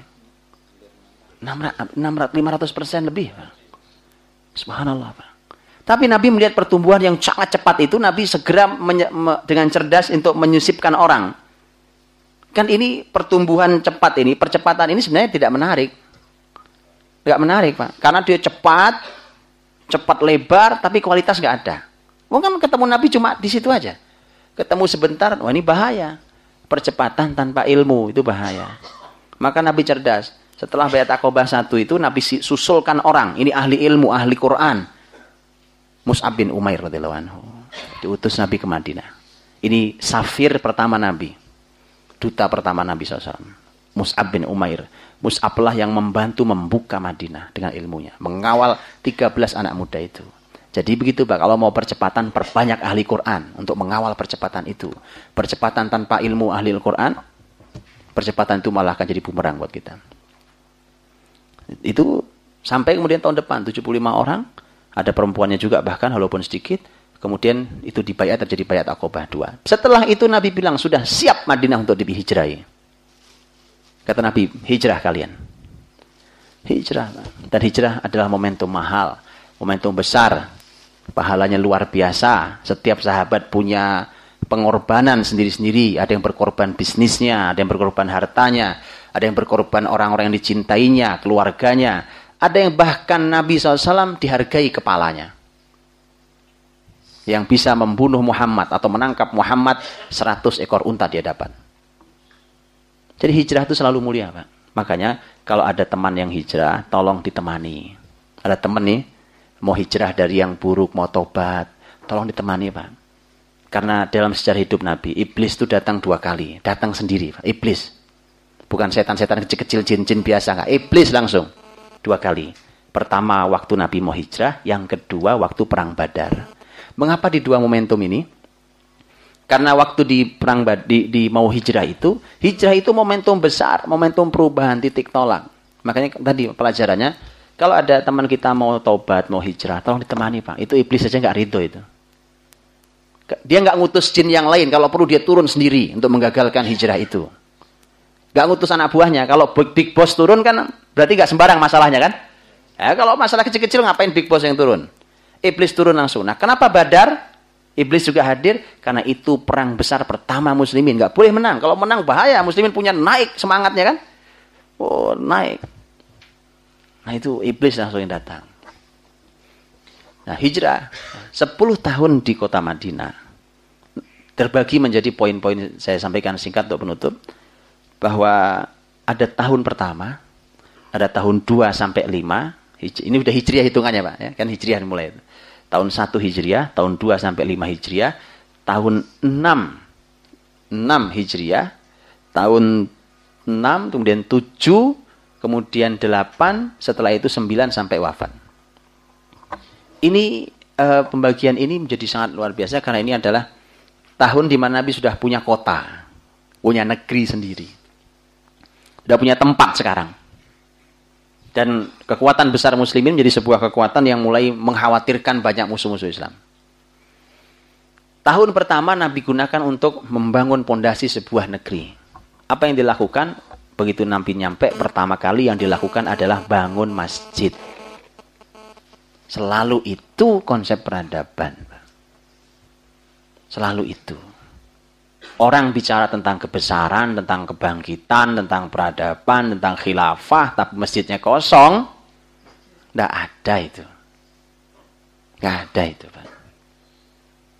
Ya, Masjid, di mana-mana masjid dimulai. Nabi masjid, bahkan masjid dibangun sebelum rumah nabinya. Nabi numpang tinggal di rumah Abu Ayyub Al-Ansari radhiyallahu anhu. Abu Ayyub punya rumah dua lantai, Nabi tinggal di atas. Jadi Nabi numpang aja dulu, nah gampang ya kan? Masjid bangun duluan. Setelah itu Nabi membangun at-ta'akhi, baru bangun SDM-nya dipersaudarakan. Karena ini kan pertemuan dua suku, dua kelompok besar yang nggak saling kenal, Pak. Satu muhajirin, dua ansor. Nabi persaudarakan, ini saudaranya ini, ini saudaranya ini, tanggung jawab ya, ini saudara-saudara yang nggak datang, ini nggak punya uang, nggak punya kerjaan, belum punya rumah, nggak punya kerabat. Ini tolong dibawa, dibawa, dijaga urusan kamu, tanggung jawab kamu. Ini menarik konsepnya. Menarik Pak konsep ini. Kalau ini dilakukan, nggak ada tuh perang etnis kayak di Indonesia ini. Ya, itu diikat di antara mereka. Nah, di situlah kemudian Nabi SAW setelah itu uh, mulai membuat perjanjian. Ini yang disebut dengan piagam Madinah. Nah, tapi sayangnya piagam Madinah ini dipahami salah. Asal bicara piagam Madinah, kita selalu bicara toleransi. Bukan dari situ mulai piagam Madinah, Pak. Piagam Madinah itu dimulai dari kalimat Rasul. Kata Nabi, Innakum ummatun wahidah min dunin nas. Kalian umat yang satu, terpisah dari umat yang lain. Apa maksudnya? Muslimin itu eksklusif. Kita ini sekarang takut banget dikatain eksklusif.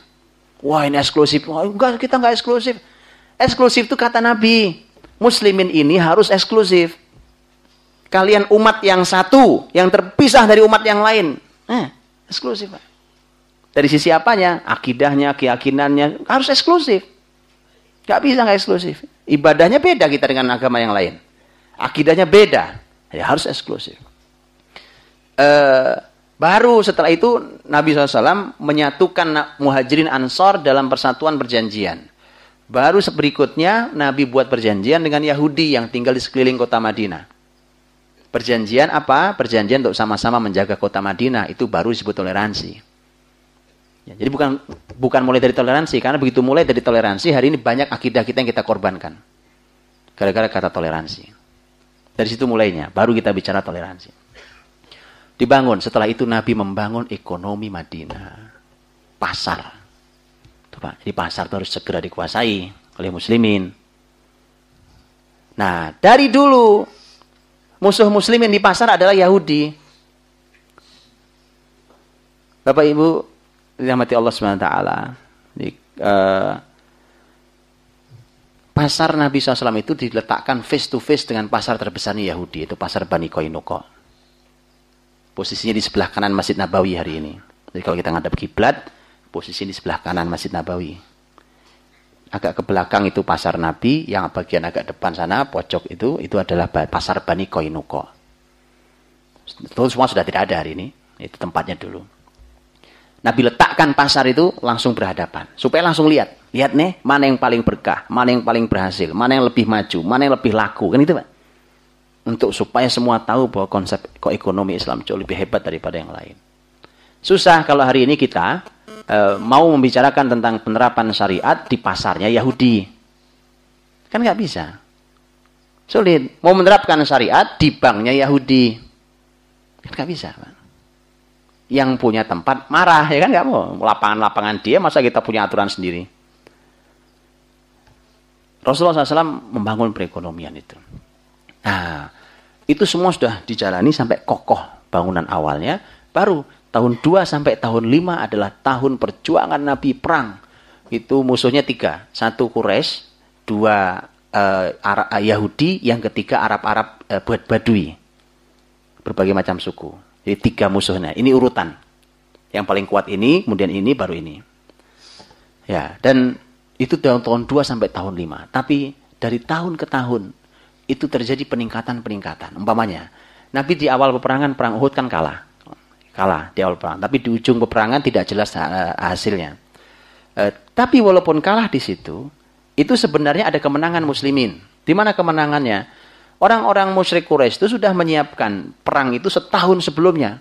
Itu siap betul. Mereka danai setahun pendanaan mereka, mereka kumpulkan, mereka kembangkan bisnis untuk mendanai perang. Balas dendam pada, kekala, pada kekalahan mereka di perang Badar setahun sebelumnya. Tapi mereka sudah dengan semua persiapan itu tidak bisa mengalahkan muslimin. Bahkan mereka membawa pasukan tiga kali lipat dibanding muslimin. Tetap tidak bisa mengalahkan. Makanya Quraisy tahun 4 tidak bergerak, Pak. Itu tahun 3 itu. Kenapa? Tahun tahun 2 mereka siap kalah, tahun 3 mereka lebih siap kalah juga atau bukan kalah, mereka tidak tidak bisa menangkan pertarungan. Tahun 4 mereka nggak bergerak. Tahun kelima mereka baru bergerak lagi, itu pun setelah e, dibantu oleh Arab-Arab yang lain, eh, suku-suku e, yang lain diprovokasi oleh Yahudi. Sekarang kumpul tiga-tiga yang jadi satu. Makanya begini Bapak Ibu, ini sebenarnya ini sebenarnya satu hal yang menurut saya menarik musuh Islam itu kalau sudah bersatu, itu sebenarnya walaupun itu menyulitkan muslimin, tapi yakinlah bahwa mereka sudah mulai lemah. Mereka nggak bisa sendiri. Ya? Ini sudah gabung nih, tiga-tiganya. Mereka sebelumnya kan sendiri-sendiri. Quraisy menyerang sendiri, Yahudi iseng sendiri, orang Arab Badui. Sekarang nggak tiga-tiganya gabung jadi satu di perang Khandaq tahun 5 Hijriah atau perang Ahzab. Karena ternyata mereka kalah juga dengan izin Allah. Begitu kalah, bayangkan musuh itu 10 ribu orang. Pak. Di perang Uhud itu kan 3 ribu orang. Naik jumlahnya di 10 ribu orang. Dan jumlah itu sangat besar. Dan Rasulullah SAW begitu menang eh, di eh, peristiwa Khandaq itu, karena tidak sempat terjadi perang besar, Allah hancurkan dengan eh, angin besar dan silakan nanti baca surat Al-Ahzab. Rasul mengatakan kalimat dan ini masuk fase baru. Nabi mengatakan, "Al-an naghzuhum wala yaghzunana." Sekarang kita perangi mereka, bukan mereka yang perangi kita. Masuk fase baru. Itu tahun 5, Pak. Maka tahun 6, muslimin sudah percaya diri luar biasa. Nabi mimpi masuk Mekah dengan aman itu. Di surat Al-Fatih. Ya, nah kemudian sanalah kemudian Nabi berangkat dengan sahabat sana ternyata di stop di Hudaybiyah. Pintu mas menjelang masuk ke kota Mekah, terjadilah perjanjian damai Hudaybiyah. Perjanjian damai Hudaybiyah itu sebenarnya terlihat secara zahir, secara nampak kasat mata itu tidak adil, nggak seimbang, merugikan muslimin, tapi tidak merugikan muslimin. Umar aja sampai protes pantang perjanjian itu ke Rasul. Ini enggak imbang ya Rasulullah. Kenapa kita terima kehinaan ini? Nabi menjawab sederhana. Kata Nabi, aku ini hanya hambanya. Aku ini hanya Rasulnya. Dialah penolongku dan tidak mungkin menyia-nyiakan aku. Karena ini artinya ini perintah Allah. Ada bimbingan Allah. Ini bukan ini bukan kehendak saya. Dan betul Pak, sekarang gini. Musuh nomor satu, sekarang mereka yang minta damai. Quraisy itu minta damai 10 tahun nggak perang.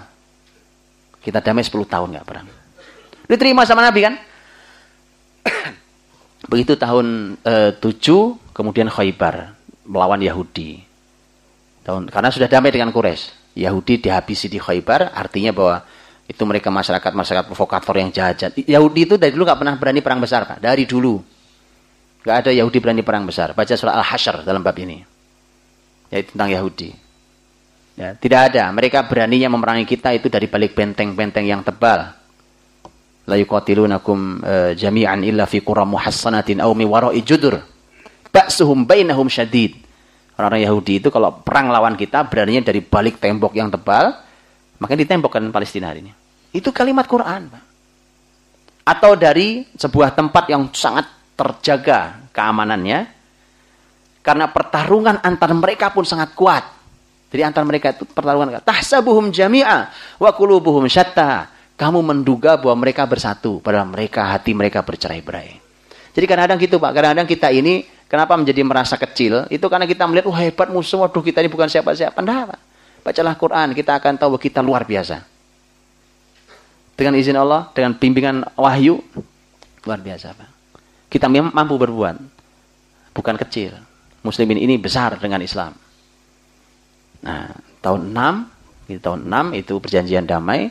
Perjanjian damai itu adalah uh, masa di mana Nabi SAW tidak perang lagi sama orang-orang Quraisy. Tahun 7 ada perang Khaybar besar itu lawan Yahudi, tentu ada masih yang perang-perang yang lain. Uh, tahun 8 karena perjanjiannya tahun depan kamu baru boleh masuk umroh, tahun ini nggak boleh pulang. Tahun depan masuk, tahun 8 Hijri, eh, tahun 8 eh, maaf, tahun 7 itu ada umroh kodok namanya. Kemudian tahun 8 itu Fathu Makkah. Ya, tahun 8 Fathu Makkah. Fathu Makkah itulah momentum besar yang diabadikan di surat Al-Fath. Inna fatahna laka fatham mubina. Ini kemenangan besar kiblat muslimin. Kebayang apa hari ini? Kalau tidak terjadi Fathu Makkah, jangan-jangan kita ini sujud, sholat, jungkir balik itu, tapi di sana patung semua. Kebayang? Iya. Subhanallah. Itu itu kemenangan nyata. Ka'bah 360 patung di sekelilingnya bersih. Di zaman itu Fathu Makkah. Mereka masuk Islam. Nah, di tahun 8 Hijriah. Tahun 9 itu tinggal pembersihan di sekeliling Madinah. Ya Taif. Nah, itu kejadian kalimat Nabi tadi, Pak. Apa tadi kalimat Nabi? Saya berharap lahir dari tulang sulbi mereka masyarakat generasi yang beribadah pada Allah. Tahun 9 Taif masuk Islam. Berapa tahun jaraknya dari saat Nabi mengeluarkan kalimat itu? Itu peristiwa tahun 10 kenabian. Dan ini kejadian tahun 9. Jadi kurang lebih 12 tahun setelah Nabi berucap, Taif masuk Islam. 12 tahun itu anak kita umur SD, Pak. Satu generasi. Ya, lahir generasi yang beribadah pada Allah. Taif masuk Islam, Pak. Tahun 9 Hijriah. Setelah itu yang tersisa tinggal tahun 10 tinggal Amul Wufud. Amul Wufud. Tahun utusan-utusan sudah datang masuk Islam sudah. Tahun 7 tadi ada yang kelewat, tahun 7 adalah Nabi mulai dakwah dengan surat ke raja-raja sekelilingnya. Romawi, Persia, eh, Oman, eh, Bahrain, Mesir, dikirimin surat oleh Nabi SAW. Ya, ada yang beriman, ada yang menolak dengan kasar, ada yang menolak dengan lembut. Jadi macam-macam. Dakwah pakai surat. Nah, nanti tahun 10 itu sudah utusan-utusan datang ke Madinah menyatakan diri masuk Islam. Kemudian turun surat Idza jaa nasrullahi wal fath wa ra'aitan nasa yadkhuluna fi dinillahi afwaja fasabbih bihamdi rabbika wastaghfir innahu kana tawwaba. Ini adalah termasuk surat-surat yang terakhir turun. Yang menyatakan bahwa telah datang kemenangan, pertolongan Allah telah datang. Kau lihat manusia berbondong-bondong sudah masuk Islam. Maka bertasbihlah kamu dengan memuji Tuhanmu dan beristighfarlah kamu. Maka dari itu setelah turun surat itu Nabi sangat banyak beristighfar. Ya, beliau sangat banyak astagfirullah wa atubu ilaih. Itu Nabi sangat banyak beristighfar. Setelah turun karena diperintahkan untuk bertasbih dan beristighfar.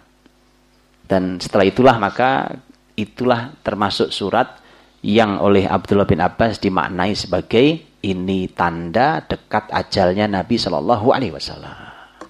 Kenapa? Karena sudah selesai tugasnya. Maka kemenangan terbesar itu berarti bukan menguasai secara politis, bukan menguasai secara ekonomi, tapi kemenangan terbesar adalah wara'aitan nas yadkhuluna fi dinillahi afwaja itu kemenangan terbesarnya Nabi SAW, Pak. Kau lihat manusia mendapatkan hidayah beramai-ramai. Baik. Jadi kalau mau mengukur kemenangan besar apa pun di sebuah tempat adalah lihat seberapa banyak masyarakat yang mendapatkan hidayah Islam. Itu baru kemenangan besar. Tugas Nabi jadi Nabi. Dengan itu maka selesai. Begitu selesai, disebutkan dalam hadis bahwa setiap Rasulullah SAW, setiap Nabi, itu kalau sudah e, sudah tugasnya sudah selesai, sudah mau datang ajalnya, itu akan didatangkan oleh malaikat, dikasih pilihan. Kau akan meninggal sekarang atau kau pilih masih hidup lagi. Dan ditunjukkan e, tempatnya di surga. Sudah mulai dilihatkan tempatnya di surga. Nabi SAW makanya ketika mau meninggal beliau mengatakan sambil menunjuk tangan ke atas ilar rafiqil a'la. Ilar rafiqil a'la. Rafiqil a'la artinya saya memilih Allah SWT.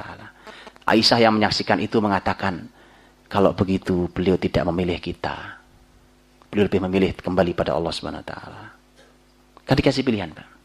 Mau tetap di sini terus kau lanjutkan atau kau menghadap Allah.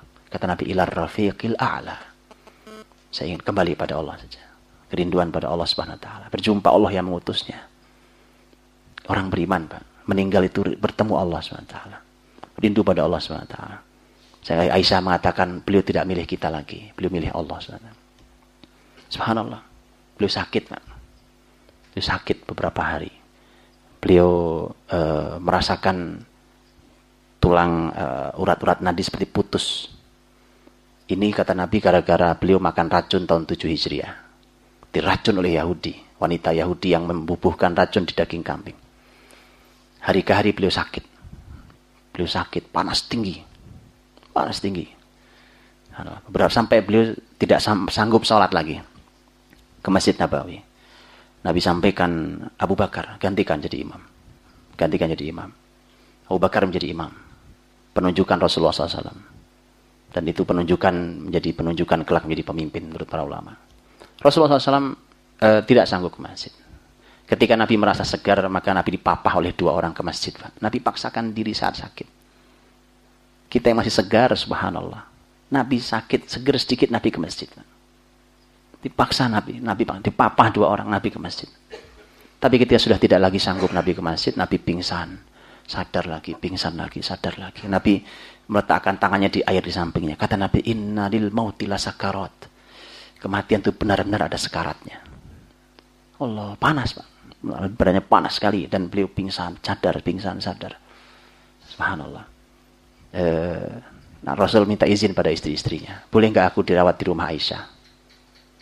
Semua istrinya mengizinkan. Nabi dirawat di rumah Aisyah. Dan terakhir kalinya adalah Nabi SAW ada di pangkuan Aisyah anha. Kata, kata Aisyah, Rasul ada di pangkuanku.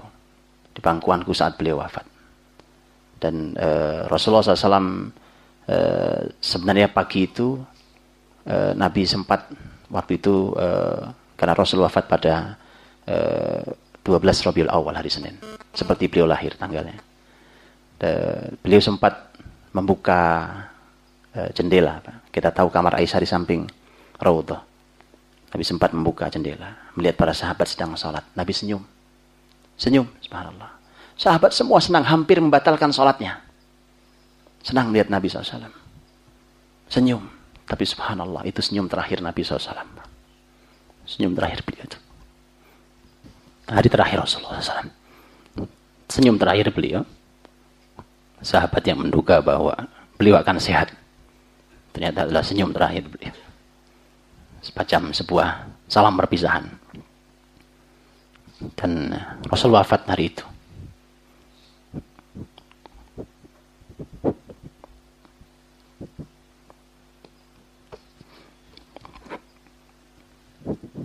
Anas bin Malik mengatakan bahwa kata Anas bin Malik tidak ada hari yang paling gelap buat kami kecuali ketika Rasulullah SAW wafat.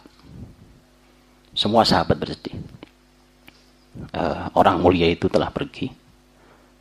Orang yang mengawal kebesaran hidayah manusia itu kemudian telah menghadap Allah Subhanahu taala. Menyisakan buat kita ajarannya. Menyisakan buat kita sunnahnya. Yang harus kita pegang yang oleh beliau-beliau jamin. Taraktukum 'alal mahajjatil bayda. Lailuha kanahariha. La anha halik. Aku tinggalkan kalian di atas jalan yang putih dan lebar yang malamnya saja seperti siang terangnya. Tidak ada yang berpaling darinya kecuali akan celaka. Subhanallah, Rasul tinggalkan itu buat kita. Dan hari itu adalah hari e, bersedihnya para sahabat Nabi SAW. Sahabat tidak bisa, bahkan Umar tidak bisa menerima kabar wafat Nabi SAW. Dan Abu Bakarlah yang menenangkan Umar. Sampai Abu Bakar mengatakan, Man kana ya'budu Muhammad dan fa'inna Muhammad dan qatmat. Wa man kana ya'budullah fa'inna Allah hayyun la yamut. Siapa yang menyembah Muhammad, Muhammad sudah wafat. Tapi siapa yang menyembah Allah, Allah mah hidup dan tidak pernah mati. Dan Abu Bakar membacakan ayat, kemudian jatuh pedangnya Umar. Umar menangis. Dan kemudian keluarga Nabi menyiapkan beliau untuk uh, dimakamkan. Dan pemakaman Rasulullah Shallallahu Alaihi Wasallam. Uh, dan beliau terus berkarya sampai di akhir kehidupan beliau. Bahkan beliau sempat mengirimkan pasukan Usamah di akhir kehidupan itu dan karya besar yang terus dilakukan dan uh, itulah hari akhir kehidupan Rasulullah SAW tahun 11 Hijriah tahun 11 Hijriah beliau wafat dan meninggalkan seluruh jazirah Arab telah mendapatkan hidayah Allah taala. Karya sangat besar. Seluruh jazirah Arab telah masuk Islam, telah mendapatkan hidayah Allah. Dan Nabi meninggalkan Madinah penuh dengan para sahabat yang ahli di semua bidang keilmuan, di ahli di semua segala hal. Dan inilah yang bisa jadi menjadi sesuatu yang harusnya kita teladani, Pak dalami terus kehidupan Rasulullah SAW, kehidupan beliau. Dan itu adalah merupakan uh, teladan kita. Uswatun hasanah. Laqad kana lakum fi rasulillahi uswatun hasanah. Liman kana yarjullaha wal yawmal akhir wa dhakarallaha kathira. Wallah alam dan bisa memberi gambaran buat kita secara umum atas uh, sirah nabawiyah untuk detailnya silahkan dibaca ada selalu ada banyak pelajaran dari kisah manusia terbaik ini. Wallahu a'lam. Assalamualaikum warahmatullahi wabarakatuh.